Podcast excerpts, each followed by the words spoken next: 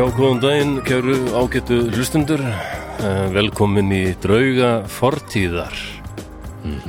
Þáttnúmer eitthvað, 70 og eitthvað, ég veit ekki. Eh, er ég skal að það Þetta er alveg rosalegt. Þetta er Þetta er bara Þetta, Þetta er hættir al- ekki. Það heldur bara áfram að Sko, koma. síðasti þáttur var þáttur númer 74 Já, ok. og svo erum við búin að gera þarna einhver auka þetta eitthvað þannig að þetta er 80 pluss þetta er, Verður ekki verið kaka þegar það er hundruðasti þátturinn? Eða jú, jú, það er kaka það verður verið eitthvað spes þáttur? Hlust, hlustendur með spurningar eða eitthvað? Já, við gerum, Ég það verður að þetta. vera við þarna eitthvað Já, En- ég held en- að. hvað það verður, uh, það verður bara komið ljós Já, kannski, En við erum sem endur nær hérna Flósi Þorgesson og Baldur Ragnarsson og í, í dag ætlum við að taka fyrir mál sem við vorum beðnir um að taka fyrir af einhverjum sigur vegar, ég veit mann bara ekki alveg nákvæmlega hvað hún já, hver stúlka eða kona sem vann Sko. eitthvað aðeinslegt við sem sagt vorum með gjafaleik hann um daginn. Í, í lók sumars með pitsunni. Og, og það sem að ástu, hérna, ljóðið sem þú hendur í hérna um daginn, Jú, jú. um daginn fyrir Jónsson? Já, e, það var annarsætti í þessum leik sko, og, og Benedikt hann vann þriðja vinning sem var slatta pitsum Mhm. en svo var það hún Vigdís Slíf Sigurðardóttir sem að vann fyrsta vinning já, já Fær og hún, það var sérst haugur af pitsum til, til að byrja með Ok. en svo var það að fá að velja efni í auka þátt hjá Dröfum Fortíðar já, og svo náttúrulega hugsuðu þetta sem auka þátt en svo komustu að því að, að málið var það er ekki? og bara, þú veist, að því að ég hef verið að taka auka þetta svolítið og bara tíma rækja á mér og eitthvað þannig að við ákvaðum að fara þá leiðin að flossi bara heldi sér í þetta mál. Og hér kemur það. Já, ég hef alveg fullt af punktum og dóti, mér finnst ég bara rétt hafa dreft á þessu. Þetta er alveg- er þetta, þetta er svo ægilega spennandi sko. Já, þetta er alveg styrlað hefur einhvern tímann uh, skoðað þetta sem málefni ef, ef hún hefði ekki unni leikin Já, kannski, ég hef alltaf haft áhuga þessu, ég held að flestir hafa mikið áhuga þessu. Já, þú hefur bara svo áhuga á svo mörgu Jú, reyndar. Það, er svo, það er svo mikil eimd sem þú þekkir betur sko. Já, þetta er, þetta svo ömlega 17. öld og galdrafárið, nornir og dót, sko. Þetta, Hún er, vildi heyra um það. Þetta er svo gott. Já, og sérstaklega eitt ákveðið land sem hún vildi heyra um í því Já. sambandi. Það Já. er alltaf sérstaklega, það er Svíþjóð. Já, Svíþjóð og Satan. Svíþjóð og Satan og hvað Þegar Satan kom til Svíþjóðar. Uh, Já, hins vegar, já ég held að mitt helvíti væri sennilega IKEA nema að er engin það endar aldrei úti. Þetta er, bara, svona lúpa, þú bara ert alltaf, alltaf bara. exit skilti já, en þú ert bara komin í næstu lampadeld já. Og, og, og annað sko, og, ég, og gaman að segja fyrir því líka ég hef alveg, ég hef komið inn í IKEA og mér hefur liðið vel. Mm en, en uh, ég það þarf að liggja rosalega rétt ég þarf að vera rosalega rétt af svona rétt stemdur sko. Já, ok. Og svo þekki fólk sem fer þangað til að slaka á sko. Já, mér finnst ágætt að vera ríkja Já, nefnilega, þetta, fólk verðist bara gössamlega skiptast í, í tvo hópa sko. Já, og, og ég er að pæla kannski geti ég bara lært þetta sko. en hvernig ertu með kringluna og smáralind? Nei, nei, get, Nei, Æ, ég geti þetta alveg en þetta er bara áreittir sko. já, ég er en, sammála því en það er bara þú veist, ég, það, þannig er ég vandamáli veist frekar en Já, það sem er í já, gangi já, þetta er bara, ég held að þessi margir sem já, já. En hérna, áður en við fyrir mér þetta mál, þá skulum við nú tala um styrta raðilan okkar. Já, Það er nú annars vegar sjóvá. já, það er bara öryggið í ferðarbróti Já, já. fyrir rúmi Tryggja, tryggja, tryggja. Já, Uh, maður þarf að tryggja hlutinu já, sína. tryggir ekki eftir á, sko Maður er byggja eftir á. Uh, Nei, Sem væri samt snild að mætti, en það væri lélegt businessplan, hugsaði ég. já, ég held að, já, ég sé það ekki gangu upp er bara eitthvað. Tryggva tryggingar, tryggva Já, tryggingar. Þú tryggir eftir á. Sjóvá, já, Já, sjóvá. Uh, mitt tryggingafyrirtæki í mörg ár og mitt já og það er rosalega gott að vita af því til dæmis að, að hljóðfærin mín sem ég þykir óskaplega vendum mm ef maður myndi lendi því að einhverju eru því stólið eða eitthvað myndi skemmast að þá myndi maður allavega fá það fjárhagslega bætt. Já, já, jú. Að því að ekki bara að, sko, hljóðfæri er náttúrulega ofbúslega persónlegir Já. munir sko þannig að náttúrulega það mun aldrei bætast að fullu en bara það, þau eru líka dýr sko. já, bara það að geta þá, þá fundið eitthvað annað sko. það myndi breyta hans miklu. Það er þetta borgar sig. Þetta borgar sér sko, það gerir það. Þannig að takk fyrir aðstofana við gerð draugana uh, sjóvá. Já, er, ég fekk, fekk mér sérstaka raf hjóla tryggingu hjá þeim. Já, akkurat. Samt Alla er minni- ég ekki þórað að hjóla hjólunni Ennþá? hrettur um að því sér stólið já, ég veit, Eh, en það bara Já, þetta er ykkur minnlóka bara. Ég var á mikið á ykkur Facebook-grúpu tínd reyðhjól. Já. Það er alltaf Bjartmar hérna, hjóla kvíslarinn, hann kallaður. Já, hann akkurat. Góður í að finna hjól. já, Ræðilega sögur eitthvað. já, Börn sem gráta, tí- stólin hjól. Og, ó, já þetta kannski ómaður bara ekkert að kaupa sér hjól menn það, já. þú getur að hjóla Mér er svo gaman hjóla, ég skil það ekki. Okkur ég hef ekki ferðið meira í þetta. þú voru að gera það, þú voru bara að kaupa þér ægiland jöfis lás Já, já. en uh, svo er það Borg, Já, og Bríó borgarna þá með okkur. Já, já, heldur betur og nú Já. erum við að slaka okkur inn í, inn í hérna e, svona bjór tímabil nú eru Mhm. jólin handa við hotnið sko Já. byrja, Oktoberfest og jólin og allt. já, þetta er bara þetta er allt saman að gerast já. og í fyrra þá kom náttúrulega fyrsti óáfengi jólabjór Íslandsugunar, held ég alveg örgla Var það fróðusleikir? Það var fróðusleikir, Já, hann er að koma aftur núna hann er að koma aftur. Já. og það hérna er, er, þú ert með dósir. já, ég með dós, kaldar dósis Rauðar. Já, já, bara eins og í fyrra Uh, Er það? Mér minnir þetta að, að Minnir að það hafa verið hvítar. Nei, þær voru rauðar, ef ég mann rétt en það var sem sagt svona nú er það rauðar alveg upp Já, ég minnir að það hafa verið svona stálrönd efst já ok. sem er rauð núna á þess sem ég, munið það nákvæmlega Þetta er mjög fallið dós. Já, þetta er mjög, mjög fallið dós Djúbraut á lit. þetta er sérst India uh, Pale Ale og fengur og fróðsleikir er einn af þessum uh, jólasunum í, í hérna býtum við, hva, hvaðan komið þetta aftur, mástu það? Var þetta ekki bara í þjóðsugur Jú, Já, þetta var Jón? Þetta, já, í þjóðsum Jón Árnason er sko, ég held að þessi hundra nöfn á jólaseinum eða eitthvað, það Já, bara alveg ægileg Svo var þarna- gríla og leppalöðu þau lítið annað að gera heldur en að skemmta sér á sjáft upp, í, í sveit. Já, og fróðusleikir er einn af þeim. fróðsleikir einn af þeim já. Og, og bjálfansbarnið, Já, glemmu því ekki. Og, og, og hérna litli pungur Þetta Var það líka einn? litli örv, örvadrumbur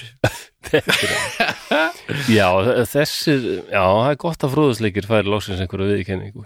já og já, hann er sem sagt fróðsleikirinn komin aftur annað árið sem að hann kemur á markaðinn Og sannlega held ég hinnir 13 að vera lagðir einelti fyrir að vera svona ykkur elíta sem var valinn bara til að vera því. Sellout Já, Það pottit eitthvað eitthva black metal jólusetnir voru bara Sellout, du sellout Bjálfansbarnið að lemja hurðarsleiki Þú sem vinsæll alltaf hitta krakkana í þjóðminnisendunum Ég fæ ekki að fara neitt. Eh, Ég er bara hérna. Já, Ég er bara hérna að horfa ekkert. Þannig að uh, Já, þetta er svona indverst föl öl Já, India Pale Ale. Indverst föl öl Já, það er, sér, er sérstætt bráð en, en, en, en gott. Já, og þessi er komin að öllum líkindum komin í búði núna eða rétt dottin í búðir. Það er bara öðru hvoru megin við það þegar þessi þáttur fyrir loftið þá er þetta að fara að poppa upp í búðum og vonandi bara finnið þetta út í búð núna. Fróðusleiki nummer 82 nummer 82, já. Já, þannig að tekja á fróðasleiknum. Já. já, tekja á Þetta, maður á ekki að nota þetta á djamminu hérna, sem viðreynslu línu. Viltu ekki kíkja í smá fróðusleik? Nei, ég veit ekki með það, þú getur alveg prófað en nei Mér finnst það rosalega, alltaf þótt svo erfitt að reyna við fólk já, Ég er alveg bara vonlaus í því já Kann þetta ekki Þetta er bara æfing, eins og hvað annar Er það? Nú, Já, ok, það já, hljóta það. þetta er bara Þú ert ekkert góður í því fyrst Nei En svo náttúrulega líka verður að, þú mátt ekki gleyma því líka það verður alltaf erfiðar og erfiðar eftir því sem þú verður eldri sko, því að Jú, þú jú, verður svona. alltaf þú veist, að, þú ert alltaf að komast nærði og nærði að verða, vera gamall skrítin kall sem er að reyna við einhvern og það er miklu erfiðar heldur en að vera Já. ungur Það er finnst samt auðvöldar að gera þetta þegar maður er etru sko. Það bara er maður Já, hreinn og beitna einhvern veginn ekki já, já, var þetta ekki að virka sér, fyrir þig? Nei, nei. Það held ég ekki Bara smáðu mín hefur stundum rifjað upp þegar ég reyndi hana sko. Það var ég svo fullur í gætu allar bara reyfta augun. Gastu allar hreift augun? Hún skildi ekkert hvað ég að segja bara, en lestu vel á þau samt, sko. nei, alls ekki. Svo sagði ykkur vingun sinni þessi guður þarna, já, þetta er Flósi, hann er frábær. Hann er bara dóldi fullum núna. Hann getur bara ekki hreift augun í dag. Hann er úa klár. Já, já, já, já, Eh, hvar voru við? já, farið og tekja á fróðusleiki já. og, og takk Borg og Brukús fyrir hjálpina enninu sinni. Sjóa, sjóa á Borg já. Sjóa og Borg, takk fyrir hjálpina Er eitthvað sem þú vilt tala um? Er, er, Eh. þú varst að segja að þetta getur verið uh, svolítið langu þáttur kannski? Ég, ég daldi hrættu við það eins og sagði, þetta var gífulega viða mikið efni og áhugavert Já. bara, Þá heldur við sko bara að fara að byrja þetta, en ekki? jú, eða ekki bara Ég held að, ég held að, ég held að það verið mjög skynsalegt já, gerum það bara við skulum þá bara setja okkur stellingar og getur hlustundur því að nú ætlum við að fara langt aftur í fortíð til 17. aldar og við ætlum sannarlega núna að uh, særa fram drauga fortíðar.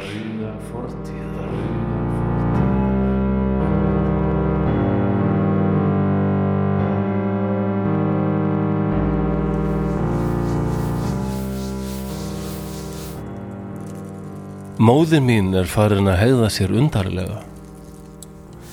Undarfarnar vikur hefur hún verið annars hugar og frekar að viðskota ill, svo ég hef vart þórað að yrða á hana. Ég hef vaknað á nóttunni og heyrt í henni. Það var eins og hún væri að byðja, en þetta er ekki bænirnar sem okkur börnum eru kendar. Ég heyri hana stundum nefna orðið Satan í undarlegum tón. Nánast eins og hún sé að ákalla einhvern sem hún vill virkilega að heyri í henni. Mamma hefur sagt mér að ég eigi að hitta vorn myrka herra eins og hún kallar hann. Segir að ég eigi að verða norn eins og hún. Ég veit ekki hvað það þýðir, en ég er hrætt. Er hrætt við mömmu og hrætt við þennan Satan. Það er eitthvað óutskýranlegt myrkur og drungi yfir mömmu og stundum glottur hún bara og hlær svo upp úr einsmanns hljóði. Við lögðum af stað snemma í morgun. Mamma segir að við séum að fara til Blókulla, þar sem nornir hittast og þar muni ég hitta Satan og verða ein af hans nornum. Við komum að stóru vatni og mamma kveikti eld. Hún stóð nokkra stund við eldin og þuldi eitthvað sem ég heyrði ekki. Svo kastaði hún einhverju á eldin og hann blossaði upp með látum og gaf frá sér hljóð sem hljómaði nánast sem urr í villidýri og eldurinn varða skyndilega fagur blár. Mamma sagði að við ættum nú að ganga út á vatnið. Ég held hún værið að bulla og ég svaraði að þá myndum við sökva. En þá þreif hún harkalega í mig og steg út á vatnið. Ég rak upp óp því ég hrætt við vatn en það kann ég ekki að synda. En við sukkum ekki. Síðan gengum við yfir vatnið, á vatninu. Þetta var eins og að ganga í mjög djúpum mosa. Ég var skelvingu lostinn en svo hrættið mömmu að ég þorði ekki annað en að hlýða og skyndilega vorum við komin að lítilli eigu. Ég sá enga eigu áður er við stóðum að bökkum vassis. Við gengum á land og að stóru stein hliði. Er við fórum undir hliðið sáum við skyndilega lítið hús sem við fórum inn í. Ég varð svo forviða er við komum inn í húsið því innan dýra var það miklu starra en það ætti að vera. Þetta var stórt og langt herbergi og innst voru margar hurðir. Ég sá að það voru fín rúm í herbergjunum með fínum og litríkum sengurfötum. Þarna inni voru margar konur, allar svarklætar og nokkrar ungar stúlkur á mínum aldri. Skyndilega byrtist maður, eða réttara sagt, einhverju vera, því þótt hann hafi verið sem maður þá virtist hann eitthvað allt annað. Hann var mjög dökkur yfirlitum og óeðlilega hávaksinn, öruglega milli tveir og þrýr metrar. Hann var klættur í litrík föt, rauð og blá, með stóra gráa skikju yfir herðunum og einhvers konar svarta kórónu á höfðinu. Hann var með mikið rautt skegg og stingandi blá augu.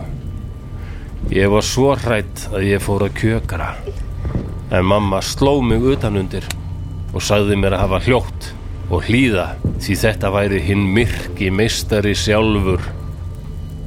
Maðurinn var með óhugnanlega djúpa rödd. Hann brosti, en brosið var snöytt allri gleði. Hann sagði að nú myndi hann taka við okkur öllum og að við yrðum dætur hans og þjónar um alla eilífð. Síðan fór hann með nokkrum ungum stúlkum inn í eitt herbergið og bárust þaðan svo hinn skelfilegustu hljóð eins og vilt dýr væru að eðla sig. Ég held það hafi liðið yfir mig. Ég man ekki meira en að ég vaknaði heima hjá mér.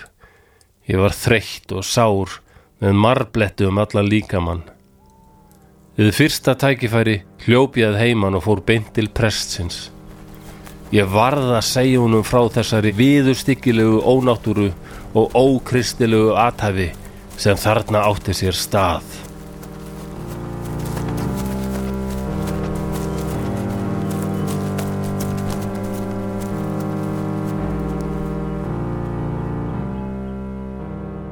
Þá er lestunum búinn. Já, Ég, já. það er ekkert annað. Ekki Þetta, Já, þetta er nú, þetta er gott. já, sko, þetta er aðeins byggt á heimildum, ég færiði smá í stílinn, við ekki það, en, en, en það ásalega mörg vitnin í þessu galdrafári Já, voru börn, já, bara alveg niður í tíu ára, játvel yngri, sko. já. Og það var Mörg eitthvað svona fár, að það voru fleiri og fleiri börn sem fóru að koma fram og bera vitni og segja mæður þeirra eða feður eða stjúpfeður eða stjúpmæður eða eitthvað. Á 17. Já, í Svíþó. já. Þetta er bara sama og gerist í bandaríkjunum. Já, þetta, Eh, var, þetta bara var fár bara, Já, já. og líka á Íslandi Já, já, endaldu öðru svo Íslandi, við komum að því síðar. Já, en blókulla já, eða. Sem er Count Blockula að lúða, lúða vampíru bróðurinn. Já, þessi eiga er til sko. Hún er í dagdaldi vinsæl svona ferðamannastæður einmitt og út af þessu, hún hefur þetta orð á sér að vera að vera íll eiga, hún er mjög berangurslega með einhvernum trjám en að, aðalega bara mjög svona dökkur grár steinn allstæðar Já, já, já. en það er, margir hellar þarna. og þetta hús þarna, og svo er eitthvað eldgamalt hérna stein völundarhús á eiginu sem er alveg eldgamalt, ég veit ekki nákvæmlega hvað er gamalt en bara það er ekki vita nákvæmlega hvað er gamalt held ég. Já, ok. þannig að það er ímislegt við þessa eigu sem er Þetta hús sem hún fór í lestrinum, já, það er ekki grín að fá fastegna mat held ég á það. nei, þetta er svona Harry Potter hús. Já, Að- eins og það, Hogwarts, ég held að þessi dauði að, að, að þú veist, mitt fari í gegnum tryggingamál og ef allar setja Hogwarts á sölu, nei, það er, þetta er alltaf erfið sko. En þetta, þetta, þetta var svona dæ- hvað er dæmi brunamatið á Hogwarts? þetta er, krakkarnir voru að segja frá því að maður þeirra höfðu farið með þar á þessa eigu sko og það er hittu satan þar og Já, Og þarna átti með djöfullin að hitt nornirna sína sko. Og það átti ekki vera hægt að komast til þessar eigu nema á eitthvað með aðstóð, við aðstóð galdra. Uh, í raunu, uh, já, það er annar nafn á þessar eigu sem er mjög einkennilegt, það er Blå Jungfrún, bló, jú, Blå Jungfrún, ok, bláa sko sagt. bláa jómfrúin, Já, og þetta er eitthvað, dan- danskur, það er í hérna Kal Kalmar sundinu, um, Já. í smálöndum á, á sko, já, á hérna, stóra landinu, aðalandinu, aðalandinu, me, meginlandinu, það er smálöndin og svo er hérna stóra eiga sem er Öland já, þetta er lítið eiga þar á milli eitthvað staðar. Ok, ok, og já, það er mjög miklar þjóðsugur tengdar þessu sko. Mm. þessi kona sem uh, dagbjört líf, nei, Vigdís uh, Vigdís Rö- dröfn, nei, Vigdís líf. Nei, jú, Vigdís líf Vigdís Já, líf vá, ég sagði bara nei án þess að hlusta á það sem þú sagðir að því að ég Þú varst alveg viss, nei, ég skil það vel. Nei, Vigdís Ég hafði líf enga trú Sigurðar. fyrir frekar nokkuð tíman Já, en erna, hún spurði líka um var til að heyra eitthvað um Valborgarmessu það er alveg rosalega mikil drauga tími. Mm það er sem sagt hérna, aðfaranótt 1. mæ 30. apríl. Á sama st- á svipu sveiði já, eða á ja, mörgum fleiri löndum já, sko. ok og er, ég man eftir í Danmörku þá var ég varðið það alltaf á þessum tíma. Mm. þá eru svona danir að kveika eitthvað stóra varðelda og það, það var eitthvað svona dularfullt og eitthvað talað um nornir, ég hef aldrei hýrt á þetta minnst hér. Nei, það er ekkert þessi siður ekki þetta er alveg siður í Þýskalandi og sérstaklega norður og vestur Európu og kveikja elda og brenna nornir á þessum tíma því að Valborg var kona sem fættist í Englandi árið 710 mm. Og náði nokkuð hárri elli sko, hún dó síðan 779 Ok. og hún er, hún er hérna heilug Valborg bara. Já, já, já, ok. Og hún, það átti að heita á hana sem vörn, varnir gegn hérna, einhver vörn gegn hérna, illum öflum og Já, já, nornum og svona sko. já, já, já, ok. Og hún var líka átt að hjálpa gegn hundaæði og hérna, kíhósta og nornum Kíhósti, hundaði Já. og, og nornir já, Já, ég meina það er alveg dagur. Já, að minna gerir í dag heldur en þá þetta hefur vissulega haft aðeins svona meira vægi þegar, já. þegar þetta datt inn. Skiljanlegt kannski að því að kíhósti var náttúrulega eitthvað sem bara ég vil oft drap fólk. Já, já, og, og nornir. Ég sem betur fyrir mann ekki eftir að fengi kíhósta en hérna, Nei. Anna sýstir segir að held að það hefur verið kíhósti sem við vorum með saman. Aha, það var ekki sem betur fyrir mann ekki eftir því. Það er víst alveg fellega Já, ég held að það er sillilegt sko. Og hundaði náttúrulega það er, já, það er náttúrulega ennþá ólæknandi held ég. Eh, nema maður fái sprautu í tæka tíð Já, það var aldrei búið til Ísland sem betur fyrir. Já, bara, bara aldrei? Nei, Já, ok. Og að sjálfsögðu þegar hérna, Anton Sandur og Lavey mm þú eru hirt minnst á hann Já, er sataníska hann kirkjan. stopnaði mitt hana eh, kirkju Satans á Sa- 1966 Satanic í bandaríkjunum. Já, já, sem er bara eiginlega vaksandi sopnur já, það stemmar fyrir svona. Já, Hann hendi bók hann og gerði öll drikkin og satanistar eru aldrei sko ég er mjög spenntur að heyra að því að Texas var að setja ykkur svo rosalega lög hérna svona fóstureyðingalög sko, nánast að banna fóstureyðingar. Mhm, og satanistar voru eitthvað að hóta því að þeir myndu bara fara í mál já. Það er því nú rosalegt ef satanistar myndu vinna þetta mál. Það væri ekki það yrði allt þetta heit kristna fólk hann yrði brjálað. Já, það er, það er ekki mikill stemmari fyrir satan, satanisma í Texas. Nei, eins og Já, hann mikill stemmari almennt. Nei kannski, má kannski mæla með hérna, mynd sem heitir Hail Satan er hérna, heimildamynd Já. hún er mjög skemmtileg. Já, og satanistin bara eh, virka mjög svona eh, heilbriðir einhvern veginn í sínum Já, skoðunum sko. þeir eru Já, fyrir þeim er satan bara þátt frelsis. Jarðbundnaðir og bara, og ekki sko ekki, ekki reyna að hérna, tróða hún í skúfu öllu þessu sem kristnin á sínu tíma var að segja væri svo skammarlega eins og kynlíf og, og bara lungun í kynlíf og frelsi kvenna og svona, það var eitthvað sem var ekki sérlega gott. Já, já, og náttúrulega Anton Sandor Lavey þegar hann stopnaði kirkuna, stopnaði hann náttúrulega á Valborgarmessu. Já, já, já, 30. apríl, sko. Já, ok. Og það, með, hjá satanistum er þetta mjög mikilvægur hátíðardagur.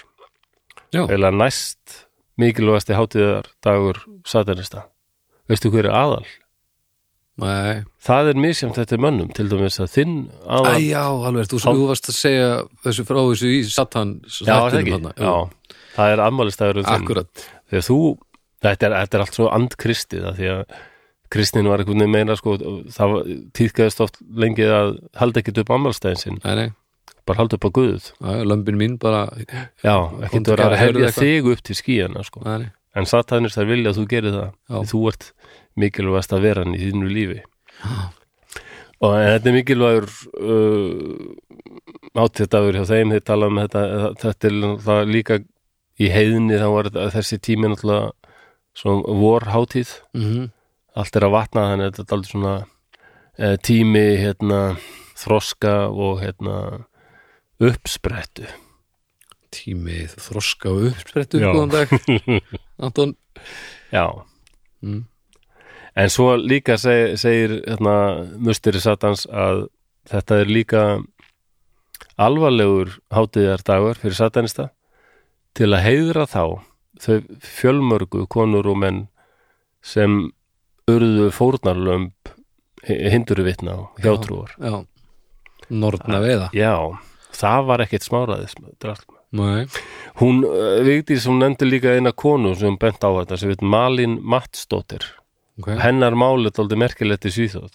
já, ok og lögfræðingar hafa oft verið svona leikar sem daldi með þetta mál og pæli hvernig verið tekið þessi dag og svona. já, já, ok Hún var finni.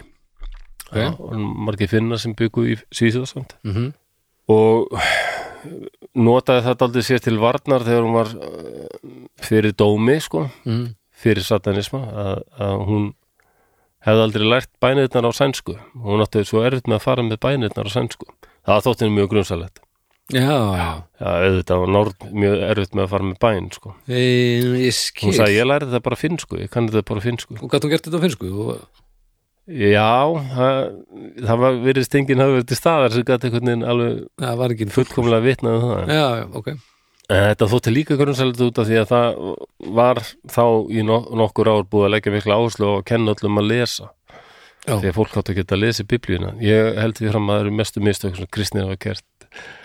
Að, já, að kenna öllum að lesa og gæti allir lesið þetta og bara, heyrðu, hvað bull er þetta? já, já, ég menna mentunin er svolítið grunnurinn að því að fólk gerir upp hugsin og, og það er ekkert endilega það sem maður vill ef maður er í þessum bransa nei, nei. En hún átt, átt já, verðist vera að þá voru á þessum tíma svíjar meira verið að nota okkar aðferð því að hún giftist manni sem heit Erik okay. sem vann við að búa til nagla. Nagla já, gerða maður og naglagerðamaður. Næs, þau eignust tvær dætur og það heit, hétu bara Anna Eriksdóttir og Marja Eriksdóttir já, en ok. svo fór nú að versna í búinu því að maðurinn hennar, hann Erik, hann var tek já, ekki að hlæja þessu, sorry. Ok, hann var tekinn á lífi ára 1668 fyrir samræði við Belju. Ha, já, það má ekki.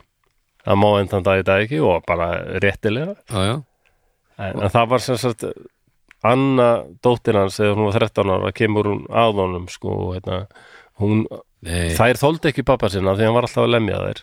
Ok, og, og, og svo var sko mamma þeirra, það var ekkit sérstaklega gott samband heldur, hún var oft að að segja að mamma hafi oft verið að segja pappa þeim að lemja þær sko. Já, og hérna, og þær reynda að flýja heima og svona og gekk ekki og þær uh, klöguðu, sögðu bara að pappi eru bara gamna sér með beljunum út í fjósi og þá var hann tekinn að lífi. Og var það uh, satt þú rétt? Það er erfitt að segja sko. Já, en, hann var allavega tekinn að lífi fyrir þetta. Ok Það er réttur um komst að þeirri já. en eins og munum heyra á eftir þá réttur var nú kannski ekki að- að reyna að finna nei, Nei. og það var daldið við gerðum mistök og komust að því setna að það, það var að trúa á þessum tíma börn gætu ekki logið. Já, það reyndist mikil mistök. Já. Þau, þau, börn hefðu bara ekki dýmyndunarafl gæti ekki verið að spinna upp ykkur svona sögur. Það er svo þetta er svo ránt þetta er eitthvað mikið ránt já og, og, og má svo- segja svíum til hérna pingu varlar mjög og óhefnum endanum komust þeir að því heyrðu, þetta er ekki rétt. Og börn hafa rosalega Já. og geta logið alveg fram og tilbaka gera fátt annað sko. Oft og tíðum, nei, nei. Bara svona, svona rambin og sannleikan, stundum. Og þessum sama tíma já, já, og þessum sama tíma þá byrjar hérna orsalit nornafár mm -hmm. það er 1668 uh, ekki bara Malín það var líka kona sem heit Maret Jónsdóttir. Maret, já, ok. Og hún hefði verið ákærð af konu sem heit Gertrúd Sveinsdóttir. Geirþrú Sveins? Já, já, Gertrúd Sveins sko. Að hún væri satanisti og þá fóru að spretta upp sko nefndir og ráð sem fóru að rannsaka þetta Þurfti maður ekkert annað að gera en bara Þetta var mikið þannig sko Þannig, já, og líka hér, ég get alveg trúið því hérna þetta verið bara oft einhver öfund og hérna já, no, no. já, já, og hérna sérstaklega vinnum minn hérna Páll í Selárdal ég var nú í Selárdal bara fyrir nokkrum vikum. Ok. Og fyrir mér er þetta alltaf svona, jú, margir komið að sjá safniðan Samuels listamæður með barshjartað sem byggði sína eigin kirkju að Ok, já, að, það er mjög magnað, þú ættir að fara þangað sko. já, ég er alveg týndur hvað þetta var Já, já, þetta, hann- þetta var rosalega hann bjó bara alla sína tíð þarna í Selárdal alveg Já. ofsalega afskekt. Já, og svona einn búi og átti aldrei neitt pening en samt loksins fekk hann einhvern pening og þá bara kefti hann fullt af steipu og byrjaði að búa til steipar sér kirkju? Já, hann bara bjóð til og hvernig sko hann, var, hann fann einhver flög, skipsflög tóki mikið af stálið þaðan. Já, og dróð þetta bara langa leið úr fjörinni og, og svo var hann að vera bóndi um leið og hérna. Djúvel langaði henni kirkjur já, hann var alltaf út af því að ég held að hún hafi brunni hann að kirkjan. Já, þá bjóðst hann til að bauðst hann til að sko, nei hann bauðst til að gera svo það var vatt ekki og það var afþakkað, pent. Nú, já, ok. Já, hann var svona, hann var ekki rosalegu listamæður hann var aldrei svona, þetta var mikill nævismi í, Já, ok, en hann var þá aldrei fúll yfir því, sko að hann bara byggði sín eigin kirkju. Hafna. Og sín eigin alltaristöflu Fuck og hún er bara nokkuð flott. You allir. Þetta, hann, er- þetta er mjög merkilega nági, það verður með heilan þátt um hann, sko. Herðu, þetta, vil ég stela þetta? Já, Og stendur kirkjan eða? já, já, og það er hann núna, Hvernig er hann uppi, þessi nógi? um, hann er nú fættur held ég á 19. öld. Já, ég man ekki hvernig að dó, 60 og eitthvað held ég. Ég menn ef þetta þáttur um hann dó 69, alveg rétt. Ok, ég hitti hann Jón Káur en ekki Ingólfsson sem söng hérna ég er fráls Já. dú, dú, ég er frjáls." hann söng í jarðaförin hans. Það voru þrýr sem voru í jarðaförinni söngan þetta? nei, hei Ok. Hann söng eitthvað sálmi eitthvað veist, það mollútgáð þessu Ég er frjáls Já. Ég er frjáls Já, já, og það er líka þetta er, mað, ef maður alltaf færi sjálfardal þá fer maður í getnum bíltutal og, Já, sem er grútlegt og skemmtilegt torp ég bara fíla það mjög vel já, þar er uh, safnið melodíur minningana sem Jón K.R. já, er með já, já. og það er bara, með fullt af einhverjum svona gömlum plötum og einhvern kjól sem já. Elli Vilhjáms á að hafa átt og bara alls konar dót sko. Að sko og eitthvað skrítið svona skrín sem er bara alls þakið einhverjum kuðungum og stendur bara á því Alfreð Klausen ég glemd alveg að spyrja hvað hvað þetta væri, það var svo Hvað? það ægir saman allskins dótið inn í hjánum sko. Já, og hún finnst hann greinilega verið aldrei miskilin listamæður sko, ekki sáttur við hvernig bíldelingar hafa aldrei gert sér grein fyrir greinilega hverslags mestari hefur verið á meðal þeirra. Hann sagði mig bara hann alltaf sko þegar uh, ég er komin í duftskeið í Fossvogi Mm. þá, þá er ég búin að skipa svo fyrir að allt safnið mitt það fer beina leið til keflaðugur það verður ekki til bíl, bíltutal já, já Það er, fokkjú er, er ríkt þarna. Já, það er ríkt á þessu sagði Ég er ánægð með það. Já, Ef að, eða, húst Svo lengi sem maður er ekki bara komin á jarðítuna eins og hann hérna nei, það var kannski okkar. nei, mitt, uh, En þetta er, þetta er svona passív jú, jú. Er, Já, maður á að láta sér heyra á þess að enda kannski já, já. að- að fokka allu upp sko. Ég mæli með heimsókn á millutýru minningana sko. Já, það er ekki spurning maður. En magnað hvað segirðu? Hvert? Já, en endanum sko voru settur upp uh, norðnar rannsóknar nefndir og svona þetta, í þessu galdarfóri dóu voru tekin að lífi hátt í 300 manns. Sem er Shit. daldið svakalega 280 manns. Yfirleitt var fólk sem bara bara, hálsökvið já, og svo var það brent til örgis Já, en Malin Matsdóttir er daldið spes að því leiti að hennar glæpur þótt eitthvað svo rosalega alvarlegur. En sko, þessi 280, er þetta bara í svíþjóð? Já, Fjó Þetta er mörg, mörg þúsund manns sko, allt í allt yfir. Já, ég bara, ég ger mér enga grein fyrir, fyrir tölum í þessu saman Nei, og þetta, þetta er svo viða mikið eða maður slá það er að við doktorsýtgerðir verið skrifaður um galdra fá ofsóknir og þetta er alveg bara og hérna Mattias Viðar Sæmundsson sem er látins, hann var held ég sekfræðingur eða bókmyndafræðingur hann skrifaði bókum galdra Ólína Þorvarðardóttir sem var þingmaður um tíma, hún hefur líka, ég heldur sem mannfræðingur. Já, hún hefur eitthvað skrifað um þetta líka. Ok, þannig að það er nú alveg ímislega til vilji fólk leita að því? Nóg að, að taka. Já. Og svo var þetta, ég held að vitist hafi minnst, minnst á líka geflestrákin Geflega Já, Gefli er semst einhver staður í Svíþjóð. Það var strákur sem var þaðan sem hétt nú reyndar uh, hann hétt hérna Jóhann Jóhann Jóhansson Jó, jó. Þýr ekki Jói, þetta kemur þýr ekki við. Nei, fættur 1663 dós 1676 en ég vil bara kalla þur Gefli strákurinn Ok, en, en, ég en svo ég held áfram að tala um Malin og svo hérna já, ég er að fara að tala um hérna já, Marit Jónsdóttir. En við held áfram að tala um Malin Matsdóttir mhm. því að mér stund aldrei áhugaverður karakter. Og ég velti fyrir mér var náttúrulega, ekkert norð en hún, Nei. talandi um fokkjú hún var alveg sko henni, hún fór ekkit leint með það, en hún sagði bara þetta er ekki satt. Og, og var með reyði dæturum sínum fyrir að hann um þetta. Já. Og var aldrei sko eitthvað að fara þau vildi að hún hendi sér niður á hnén og bæði guð eitthvað afsökun og hún bara nei, Nei, bara leiðis nei. Ég er bara saklaus Það er eitthvað litla sem við lesum um hann að malin og verðist hún hafa verið með bein í nefinu. Já, en samt er þetta kona Eriks er ekki? Já, Já, þannig að hún er samt búin að fara illa með þetta liggur já, já, en, en það var allir að lemja börnir sín það var bara, Já, var, það var standardmennur. Ég held það. Já, en jú, jú, kann- einu kannski var hún bara rosalega vond, ég segi það ekki. Já, en en það virðist að vera samt eitthvað svona já, eitthvað, töffaraskapur sko. Ok, En uh, María dóttirinnar 19 ára, hún hérna, lætur við vita, segir hún mamma er norn, þið verða að rannsaka hana. Og hún er tekin fyrir og yfirheyrð. Mm. og, og mikið eh, spurt um hennar sko uh, trú og trúabröð ok, og beðum, beðum að þylja upp eitthvað því tengt sko. Já, og hún sagði að ég get það ekkert. Og ég kann eiginlega ekkert að lesa hann, sko. ok. Og hún beðin að fara, fara, fara fæðvorið og hún klúðraði því alltaf. Nú, já, ég meinti klúðraði líka, ég held ég kunnið ekki.